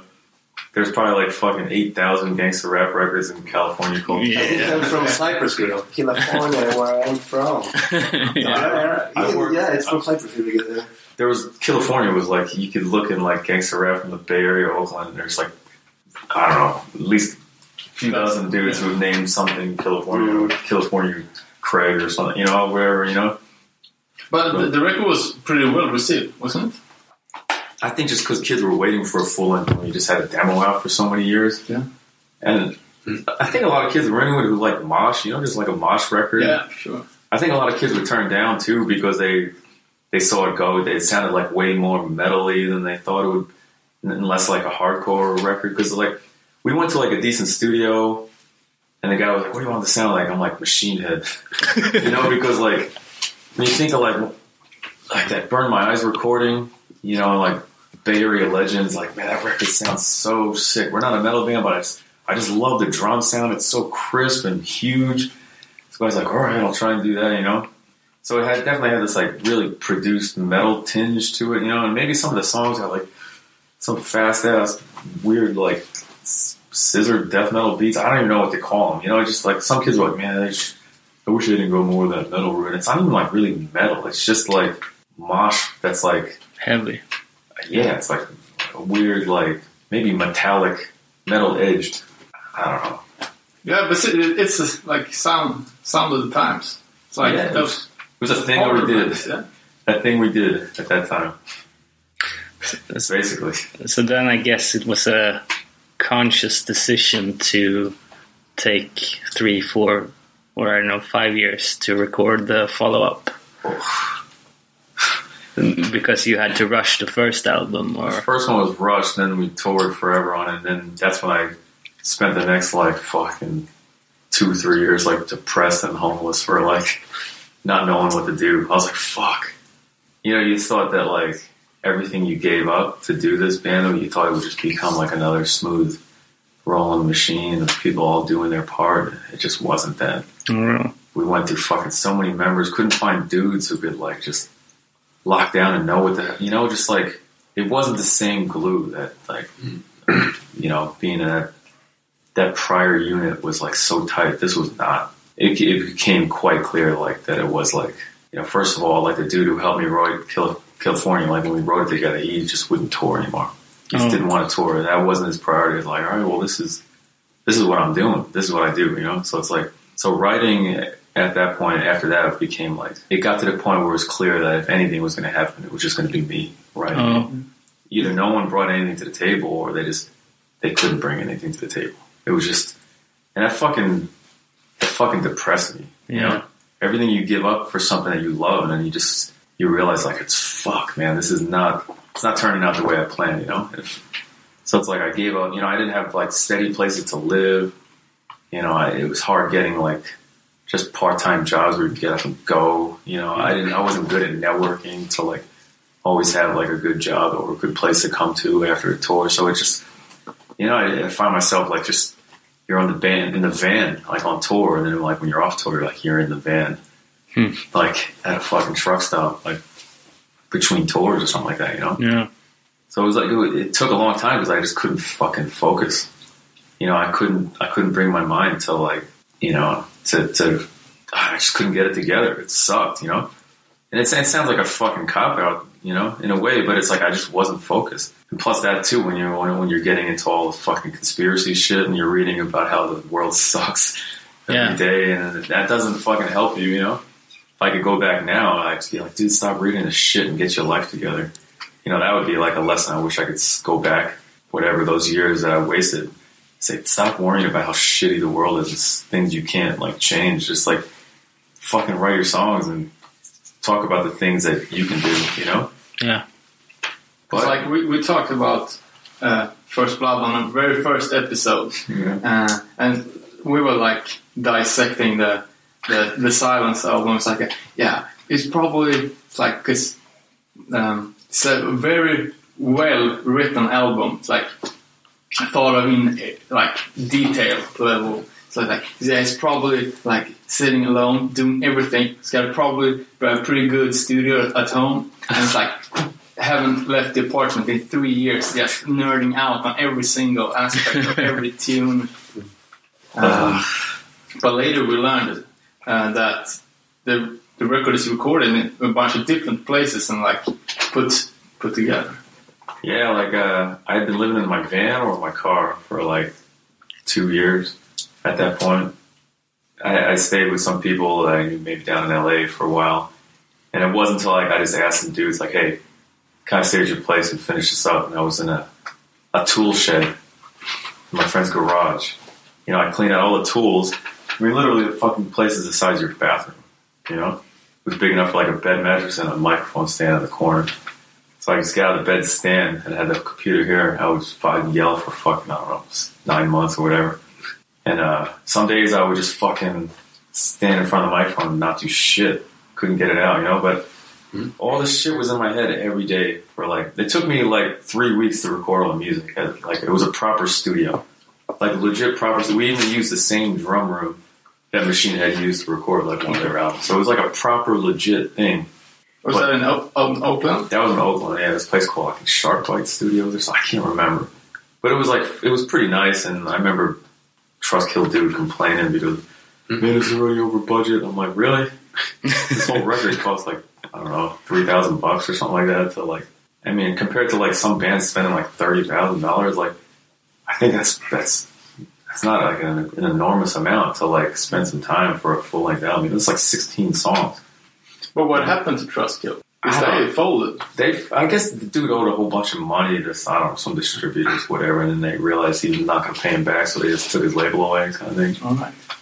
But that's a whole different story, man. Yeah. It's, uh, you live, you learn. You don't deal with stuff if you don't like sign anything on paper. So But as- as you mentioned, like being more political about like lyrics and conspiracy theories and all all that stuff. Yeah, that's all I read about like every day. Like even touring on California, like I drove the van all the time, literally every fucking mile. Like it got to the point where I was like, I was in the front of the driver's seat, and what we weren't blasting hip hop through the fucking van.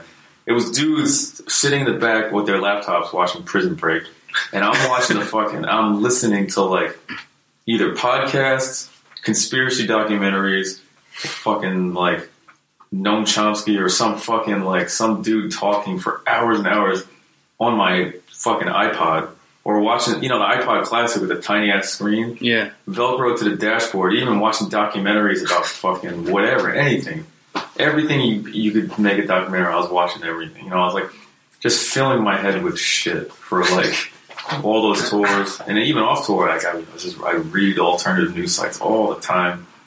You know, and actually, I was like super interested in a lot of, yeah, I guess you can call it conspiracy stuff. A lot of it's just alternative news, alternative points of view, and stuff like that. But some of it was like legit politics, you know. But it was just they, you know, stuff that would just get covered up or buried just because it was not like favorable to I don't know certain people. Yeah, that's how it works. Like, Yeah, I that's the truth. Yeah, if you fucking, uh, I don't know, it's just, just the way it is. Like you know, you, you know, Yeah, it's yeah. life. You know what I mean? But l- listen to the to the record, like, um, yeah, you, you felt like it was like a whole new, like, I, I guess a new set of, uh, um, uh, uh, as far as the lyric goes. Like, first you had like Rambo samples, and now it's Dr. King. It's like it was a whole whole new, like, Yeah. outlook on, on things. So we were like super disappointed that the record didn't come with a lyric sheet. Uh, Sounds Betrayal. Yeah. Yeah, I mean, well, if oh, you're talking about vinyl, right? Of course. Oh. But that was a mistake. no, but it, that's that's that was the label cutting corners. You know, they, right. he's like, ah, it's gonna be too expensive. And I, it took me months to do the the artwork for the actual CD. It was like 16 pages. Okay. It was lyrics, and I had commentary on every song. So it was Oh. like. Should have got the CD instead. Yeah, the CD actually had it, it was like a booklet, you know, 16 pages, and it was like, and he refused to do it at first. I'm like, dude, I'm not putting this fucking record out after four years of like, and just having like a front and back and being like, thanks guys for buying this, you know? He, he wanted to like cut songs off. He wanted to trim like 50 cents off every CD cost. I'm like, that's not why we're fucking doing the CD. You realize that, you know? So I had to like pull his arm to like, dude. So I guess when uh, when he had, he had to do vinyl too, he's like, all right, fuck it. You don't give a fuck about vinyl. He ended up not putting at all like a lyric sheet in the, No, no. in the vinyl. That's what we thought it was missing. Yeah, and even to this day, like I don't even have a copy of the vinyl. You know, the way I would have to get vinyl for my own record is go out and buy one from whoever distributor. But that was from Bullet Tooth Records. Bullet Tooth, Yeah. But uh, like, who are they? Who who's he? the same dude. But Like Trusky. yeah, it's the same exact guy. Oh, it is. But I mean, I, from what I hear, he wasn't allowed to be in the biz anymore. But he found a way to keep doing it. You know, I mean, Okay, that's obviously. I guess if you say no, this is not a record label; it's a publishing company. Still, it's like I mean, it's just a you know semantics. It's a way of you know saying. I don't know. Yeah, because uh, I think uh, The Silence is the first record who came out on that label uh, under that name that I. The first time I heard about the name. Yeah, it might have been. It might have been. I, all I remember is that hey, you want to do another record. I, was so worried about like lost time and how I all right. I committed to writing another record again that I didn't want to focus on anything else. And I was like, all right, yeah, do it. I'm doing this right now. You do that. I'll do my part. You know. I didn't know that my part would be like designing and doing the whole record, and then, then it's like him just putting it out and ignoring me. Every you know after that, you know. what I mean, I didn't know what. Yeah, it sounded like it was going to be legit. You know, that's all aside. You know, that's all done. But the point is, like, I, I put, I put so much effort into that. You know, like Yeah, yeah, you can tell. You can tell. that, that was like my main thing. I, I didn't want to like. It took me a year. Like it took me three weeks to do all the music. Not even like it was quick, but like it took me almost a year to do the vocals because I, I didn't want to have one single line on that record that I thought was that it felt like filler. Yeah, yeah, you can tell. Like, oh, I need a line here with nine syllables that rhymes with Y. You know, like I didn't want to have that at all. It's like everything I wanted to have had to say say something and it had to relate to the the title of the song, and it had to relate. It had to have the same vibe as like the riff that it was even on under, you know. So like it was like dark part of the song, I wanted, you know, it had to be like this dark part of the song. If you heard the end and it started becoming maybe like some of these maybe more melodic harmonies over the chug, then yeah, then it's got to be a part that's like you know you're lifting up hope or something like. Mm-hmm. I really thought about that stuff for a long time, you know.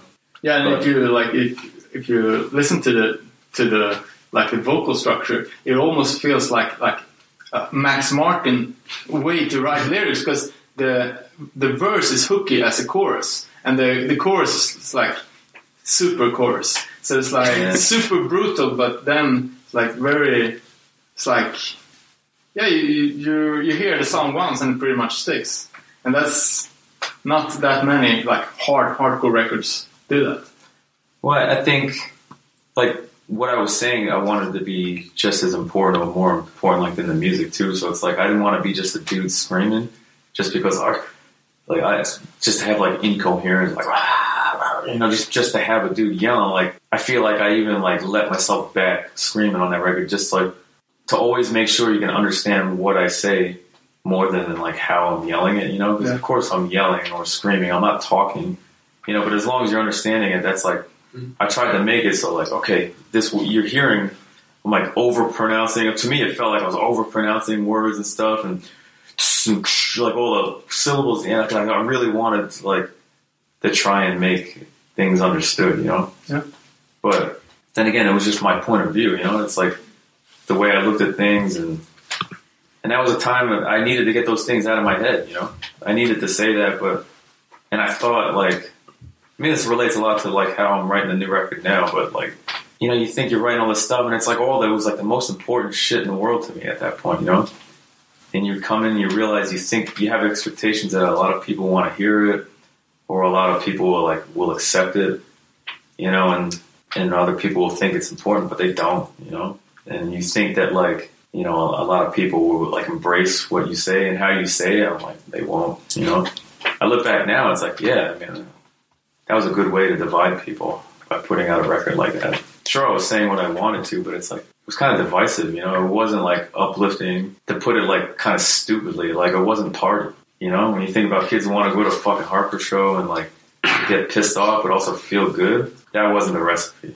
you know, when I think back now, it's like yeah, I said what I needed to say, but fuck, here I am trying to. What am I trying to bum people out? Yeah, I said what I had to say, but fuck, I look back now, it's like maybe I could have been like more at the end, I could have turned it around more. And been, all right, this shit's crazy, you know? You know, ending with a song called Armageddon and then having Rambo saying fuck the world at the end of it, it's like, that's not who I am, but I just thought it was a hard sample from the movie, you know? But, So uh, maybe we can um, uh, touch on the upcoming al- uh, album rules. Rules. Um, Because I always wondered, like, is that First Blood rules? Like, uh, First Blood is number one, or is it set of rules? it's, uh, well, that's, Bo- or both? It's both, man. Because when we started the, we needed a website. Like, man, we can't have firstblood.hc, right? I didn't have those things back then, you know. So it was like a joke, you know. It's like let's put a demo online. First Blood rules, like Keanu Reeves saying it, like First Blood rules. so that's how that's how like, that came in. But then the more I thought about it, I was like, fucking rules, man. Like then I found myself saying, man, fuck you, fuck the rules. Like, yo, you can't use the girls' bathroom right now before the show. Like, I gotta take a, you know, fuck the rules, you know. And then I was like, wait a second, like, man, we we live our lives so like timidly, just on like all these rules that just like you know rules we hate, but rules we accept. You know, like, rules we ignore, rules that some people gotta follow, rules that some people don't. And it's it's like, it's like George Carlin said, it's all it's all bullshit, you know. So I was like, man, I wanted to turn that whole like that whole metaphor into like like a whole record. So like basically the new the new record now and I'm like I did all the music for, so I, the music's done. But I'm just like you know once again it's taken me forever to write lyrics that I feel like you know every passage I'm going through feels like it's not just filler shit, you know. But every song is about a rule, like just a rule in life, like rules you accept, rules you ignore, rules that like you don't even understand why you you follow them, you know, and the consequences can be like really huge and dramatic. But yet we we consider these rules like valid, and it's it's I think it's an interesting point to like to way like a way to look at life, and in sort of like a, I guess it's like satirical in a way, like how you know I got a song called "The Rules of War," and it's just like you know, picture your typical like fucking, you know, I, I mean, I, yeah, it's it's it's it's to me it's comical in a way, but it's almost sad in a way too because there's people who really fucking believe this shit, you know. I'd have to wait to, for people to, to hear the record to really get it. It's hard for me to describe like why I'm doing this, you know. But for me, it's like this is another important way for me to try and get people to to understand, or at least to to, to analyze like how they live their lives, you know. And they they live it based on rules that someone else made, and a lot of people don't. You know, they're pushed to follow like other people's rules, but no one ever teaches them to like you know, to, to pull themselves in the direction of like their own dreams and their own like aspirations and stuff like that. So that, that's like the whole vibe of the new record. First Blood Rules. And I guess it, we don't have to get a new website name either because we already got that one. Live. so, can we expect it to release this year, or how do? It should be, man. We got a new label now. It's uh, it'll be coming out on a label from uh, the Bay Area. It's an old dude who used to listen to First Blood back in the day, and then he started a record label that has been doing pretty good. I guess in Berkeley, it's called Pure Noise Records. All right. They do like a lot of like more like popular stuff. Like, Yeah, I think I've read about him on Vice or something. yeah, he's- featured. I, I can't. I mean, I gotta. I mean, I'm thankful that he's trying to like, you know, have some young kids like hear like some of the new stuff we're working on. You know, and I, I think kids like who like mosh and who like heavy stuff and might maybe want to hear some lyrics that are kind of like quirky and you know you can think about them, not just you know lyrics about like fighting some dude. Or, Yeah, yeah. you know, I, I hope they'll appreciate it, you know. But it, it, it'll- should be out this year, you know. I mean, we're we're touring this summer with promo for, you know, we're going to be shooting a video for one of the new songs, you know. Right now, I got, you know, at least it's it's it's in lock. Not, I don't know, it's not done because it hasn't been actually done yet. But like, you know, trying to get some guest vocals on it, you know, Carl Earth Crisis is like being one of them. Like Jesse from Stick to Your Guns was like a huge, a huge reason why this whole thing even happened. You know. Oh, I was about to just say I'm done. I'm done. I can't. I don't have. I can't go through another.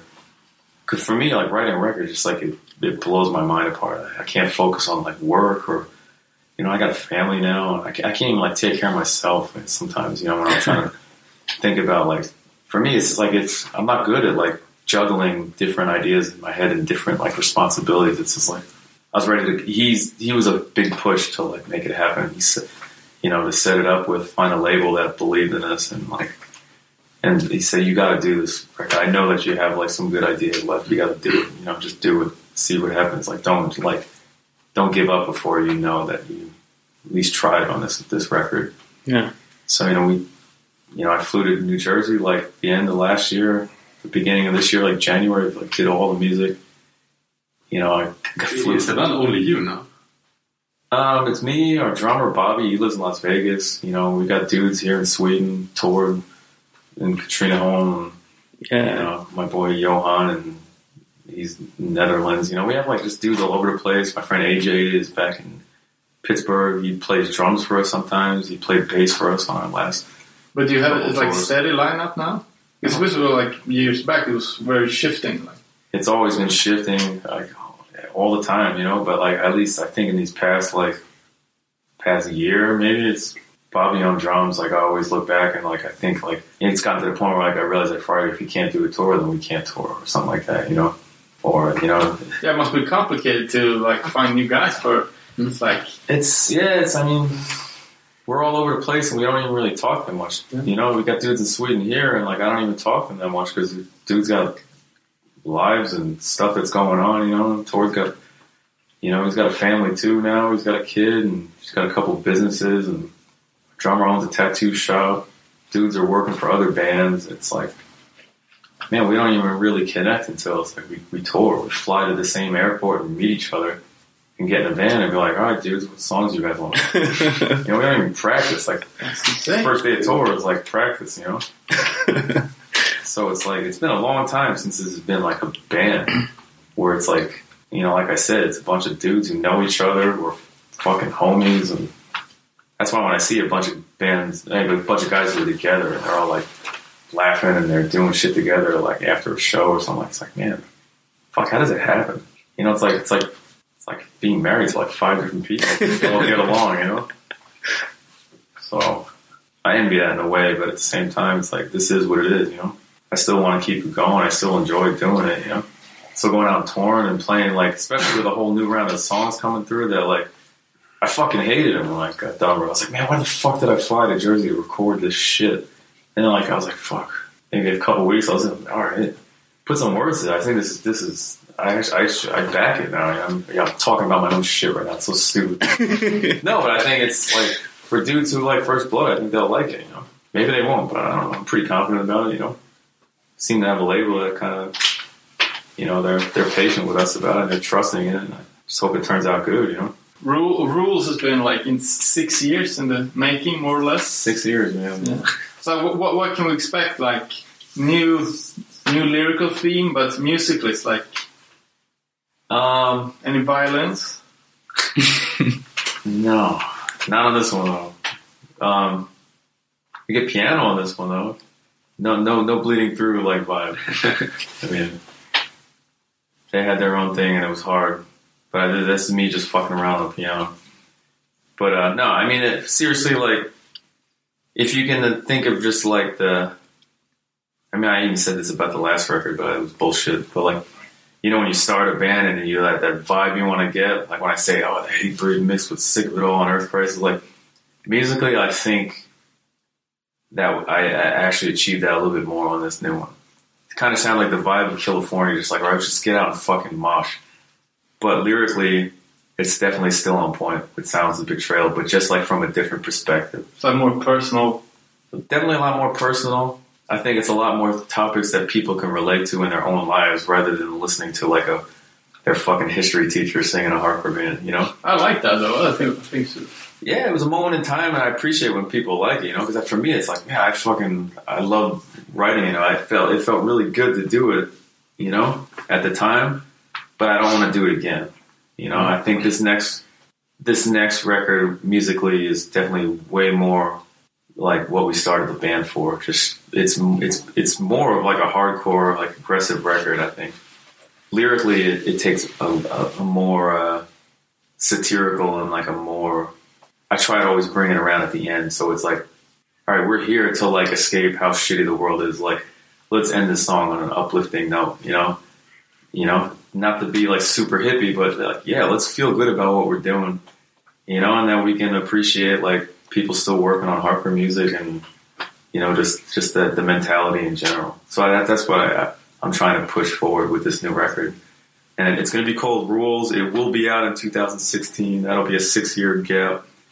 Um, we're shooting for it's a Pure Noise Records uh, release You have any tours planned uh, coming to Sweden, perhaps, or in Sweden. Fuck, I don't know, man. We got to hit up Boris. See if we get some dates. I, I don't know. I don't know because it's it's uh, dudes live all over the place, man. But you, you were gonna do a Euro tour this summer, right? We're, we're yeah. Actually, we're gonna be we're across Europe and the UK in uh, you know some dates in June and uh, in a couple weeks in July and August, and then we're working for like another Euro tour at the end of this year. Uh, probably in the fall, like for like a CD release for like you know I'm gonna legit release like tour for the new album. We'll probably shoot a video for the for the new album like sometime in the summertime as well. But like just the focus on the band right now is getting rules out. You know, it's got to be done. You know, it's been overdue. Yeah, can't wait to hear Yeah. it. Yeah. Yeah. So what else do you do? Like life? Well, that's funny. I don't know. Me and my Vinny friend here. Yeah, like running out naked around the park now, doing like city jokes. Yeah. Fuck, I don't know. We're just at home building up our studios, you know. Just uh, you know, we I work with kids at night, so I'm trying to get them to, to get more involved with music, either like creating music or at least just learning how to record. I didn't, you didn't even say that you live in Sweden. Like, it's probably a lot of people that don't even know about it. I'm an I'm an American guy living in Sweden. I've been here on and off for like five years. I don't speak hardly any Swedish, but if you speak Swedish to me, I might understand you. Maybe fifty percent of the time, I'll understand you. Fifty percent of the time, so. Um, yeah, just working on shit like in the studio, trying to get more involved, like producing and like recording, like mostly hardcore bands because that's like what I've been around. And you know, I did some stuff with uh, and even some glam rock bands and stuff like that. So like in and out of the studio, doing stuff like that, trying to keep busy with music and touring and you know working got out here just to stay alive. So, is, is there any way for bands to reach out to you if they want to have some work done or mix or Yeah, yeah. recording? Or Well, you can, you can follow the band. Like, you can check us out on Instagram. It's First Blood Rules. We're at First Blood Rules. Um, we're on Facebook, so it's facebook.com slash First Blood Rules. Same thing with Twitter. Just follow us at First Blood Rules. Or if you want to just, I don't know, talk random shit about life and rules, just Mikey. you can email me at uh, Mikey Hood Stories. You probably get a couple from me from the past. You can email me at carl at firstbloodrules.com. Simple as that. Simple as that. First blood rules and everything. You'll find it. awesome! Thanks a lot. Thanks, Steve. Yeah, was thanks for uh, coming all the way to Örebro. my first Swedish podcast in English. But thanks, guys. This is uh, this was cool. Fan, jag såg... Det var ju tydligen en svingammal grej, men det var rätt så kul. Jag såg eh, någonstans att... Vet du vad det är? Smash Mouth. Det är något så gammalt... Det måste ju du veta Robin. Såhär ska-pop-punkband. Jaha. Eh, M- Man kände igen den hitlåten, typ. ja, Ja, då typ som Goldfinger. Ja, exakt. typ så. Okej, Fast nästan sämre. Okej, Eh, går så det? stod det typ, typ bara Singer from Smash Mouth, eh, typ eh, Total breakdown. Eh, så här, att eh, publiken hade bara kastat bröd på på gigget. Va? Ja, så var jag tvungen att kolla. Det var ja, typ, om man sökte på Smash Mouth Singers, alla Det var ju såna extrema rubriker. Det var så här, has the worst complete mental breakdown ever. Vadå? Vadå? Det måste vara första gången man kombinerar en bandansökning med ordet bread. Men det var ju på någon matmässa eller Nej, om någonting. man sökte på Smash Mouth Singers så var det enda som stod, de 10 första, 20 första träffarna var bara Ja, det var på mat. Ja, det, det, vad- det stod det tror jag. Ja, okej. men, men vadå, han är känd för att balla ur eller? Ja, tydligen. Jag vet inte. Jag har aldrig lyssnat på Smash Mouth. Okej. Men det var ett jävligt kul klipp. Och att, jag tror att... Uh, ja, men liksom att de, de här, alltså den här matmässepubliken är inte vana med att någon börjar stå och skrika åt folk och hota publiken med stryk. Jag tror inte de var som... Ja, fan. Vi lägger till det på listan över eh, topp 10 mest eh, intressanta breakdowns Ja, och konsekvenser av Ja, det. jag och David satt ju och hoppades, för han hotade verkligen bara Kommer en jävla macka flygande, då kommer jag gå ner i publiken och döda er. Och vi var såhär, kasta, kasta. Om de någonsin kommer till Sverige skulle man ju fan köpa en biljett och åka dit med en hel jävla varubil Alltså, med det- limper. De kommer inte kunna spela efter en sån här grej. Nej, eller hur? det är, ju- nu, alltså den här incidenten är ju typ kändare än deras musik. Då kommer det bli det där kastanbatbandet. Finns det video alltså? Ja. Vi får fan ta det. Ja. Fan, jag, jag, jag har gjort något jävla jobb åt Smash Mouth. Jaha. Eh, jävligt random. Och typ det första jag gjorde eh, på Burning Heart. Jag, vet inte, jag tror att Smash Mouth skulle spela i Sverige. Och någon jävla anledning så hade de anlitat Burning Heart att göra något utskick. Ingen aning om vad det var. Men det var en jävla massa grejer som skulle skickas. Det var typ till alla som hade köpt biljett. Jaha. Ja, jag kommer inte ihåg vad det var. Men jag säger att jag fick, eh, och jag gjorde det hemma också. Så jag fick typ så här 5000 kuvert med adresser och sen typ så så här, 10 olika flyers. Så ska jag stoppa ner dem i varje kuvert och posta. Och så ska jag få 3000 spänn i merch efteråt. det är ty- typ mitt första sommarjobb. Sjukt värt. Ja, nice. nice.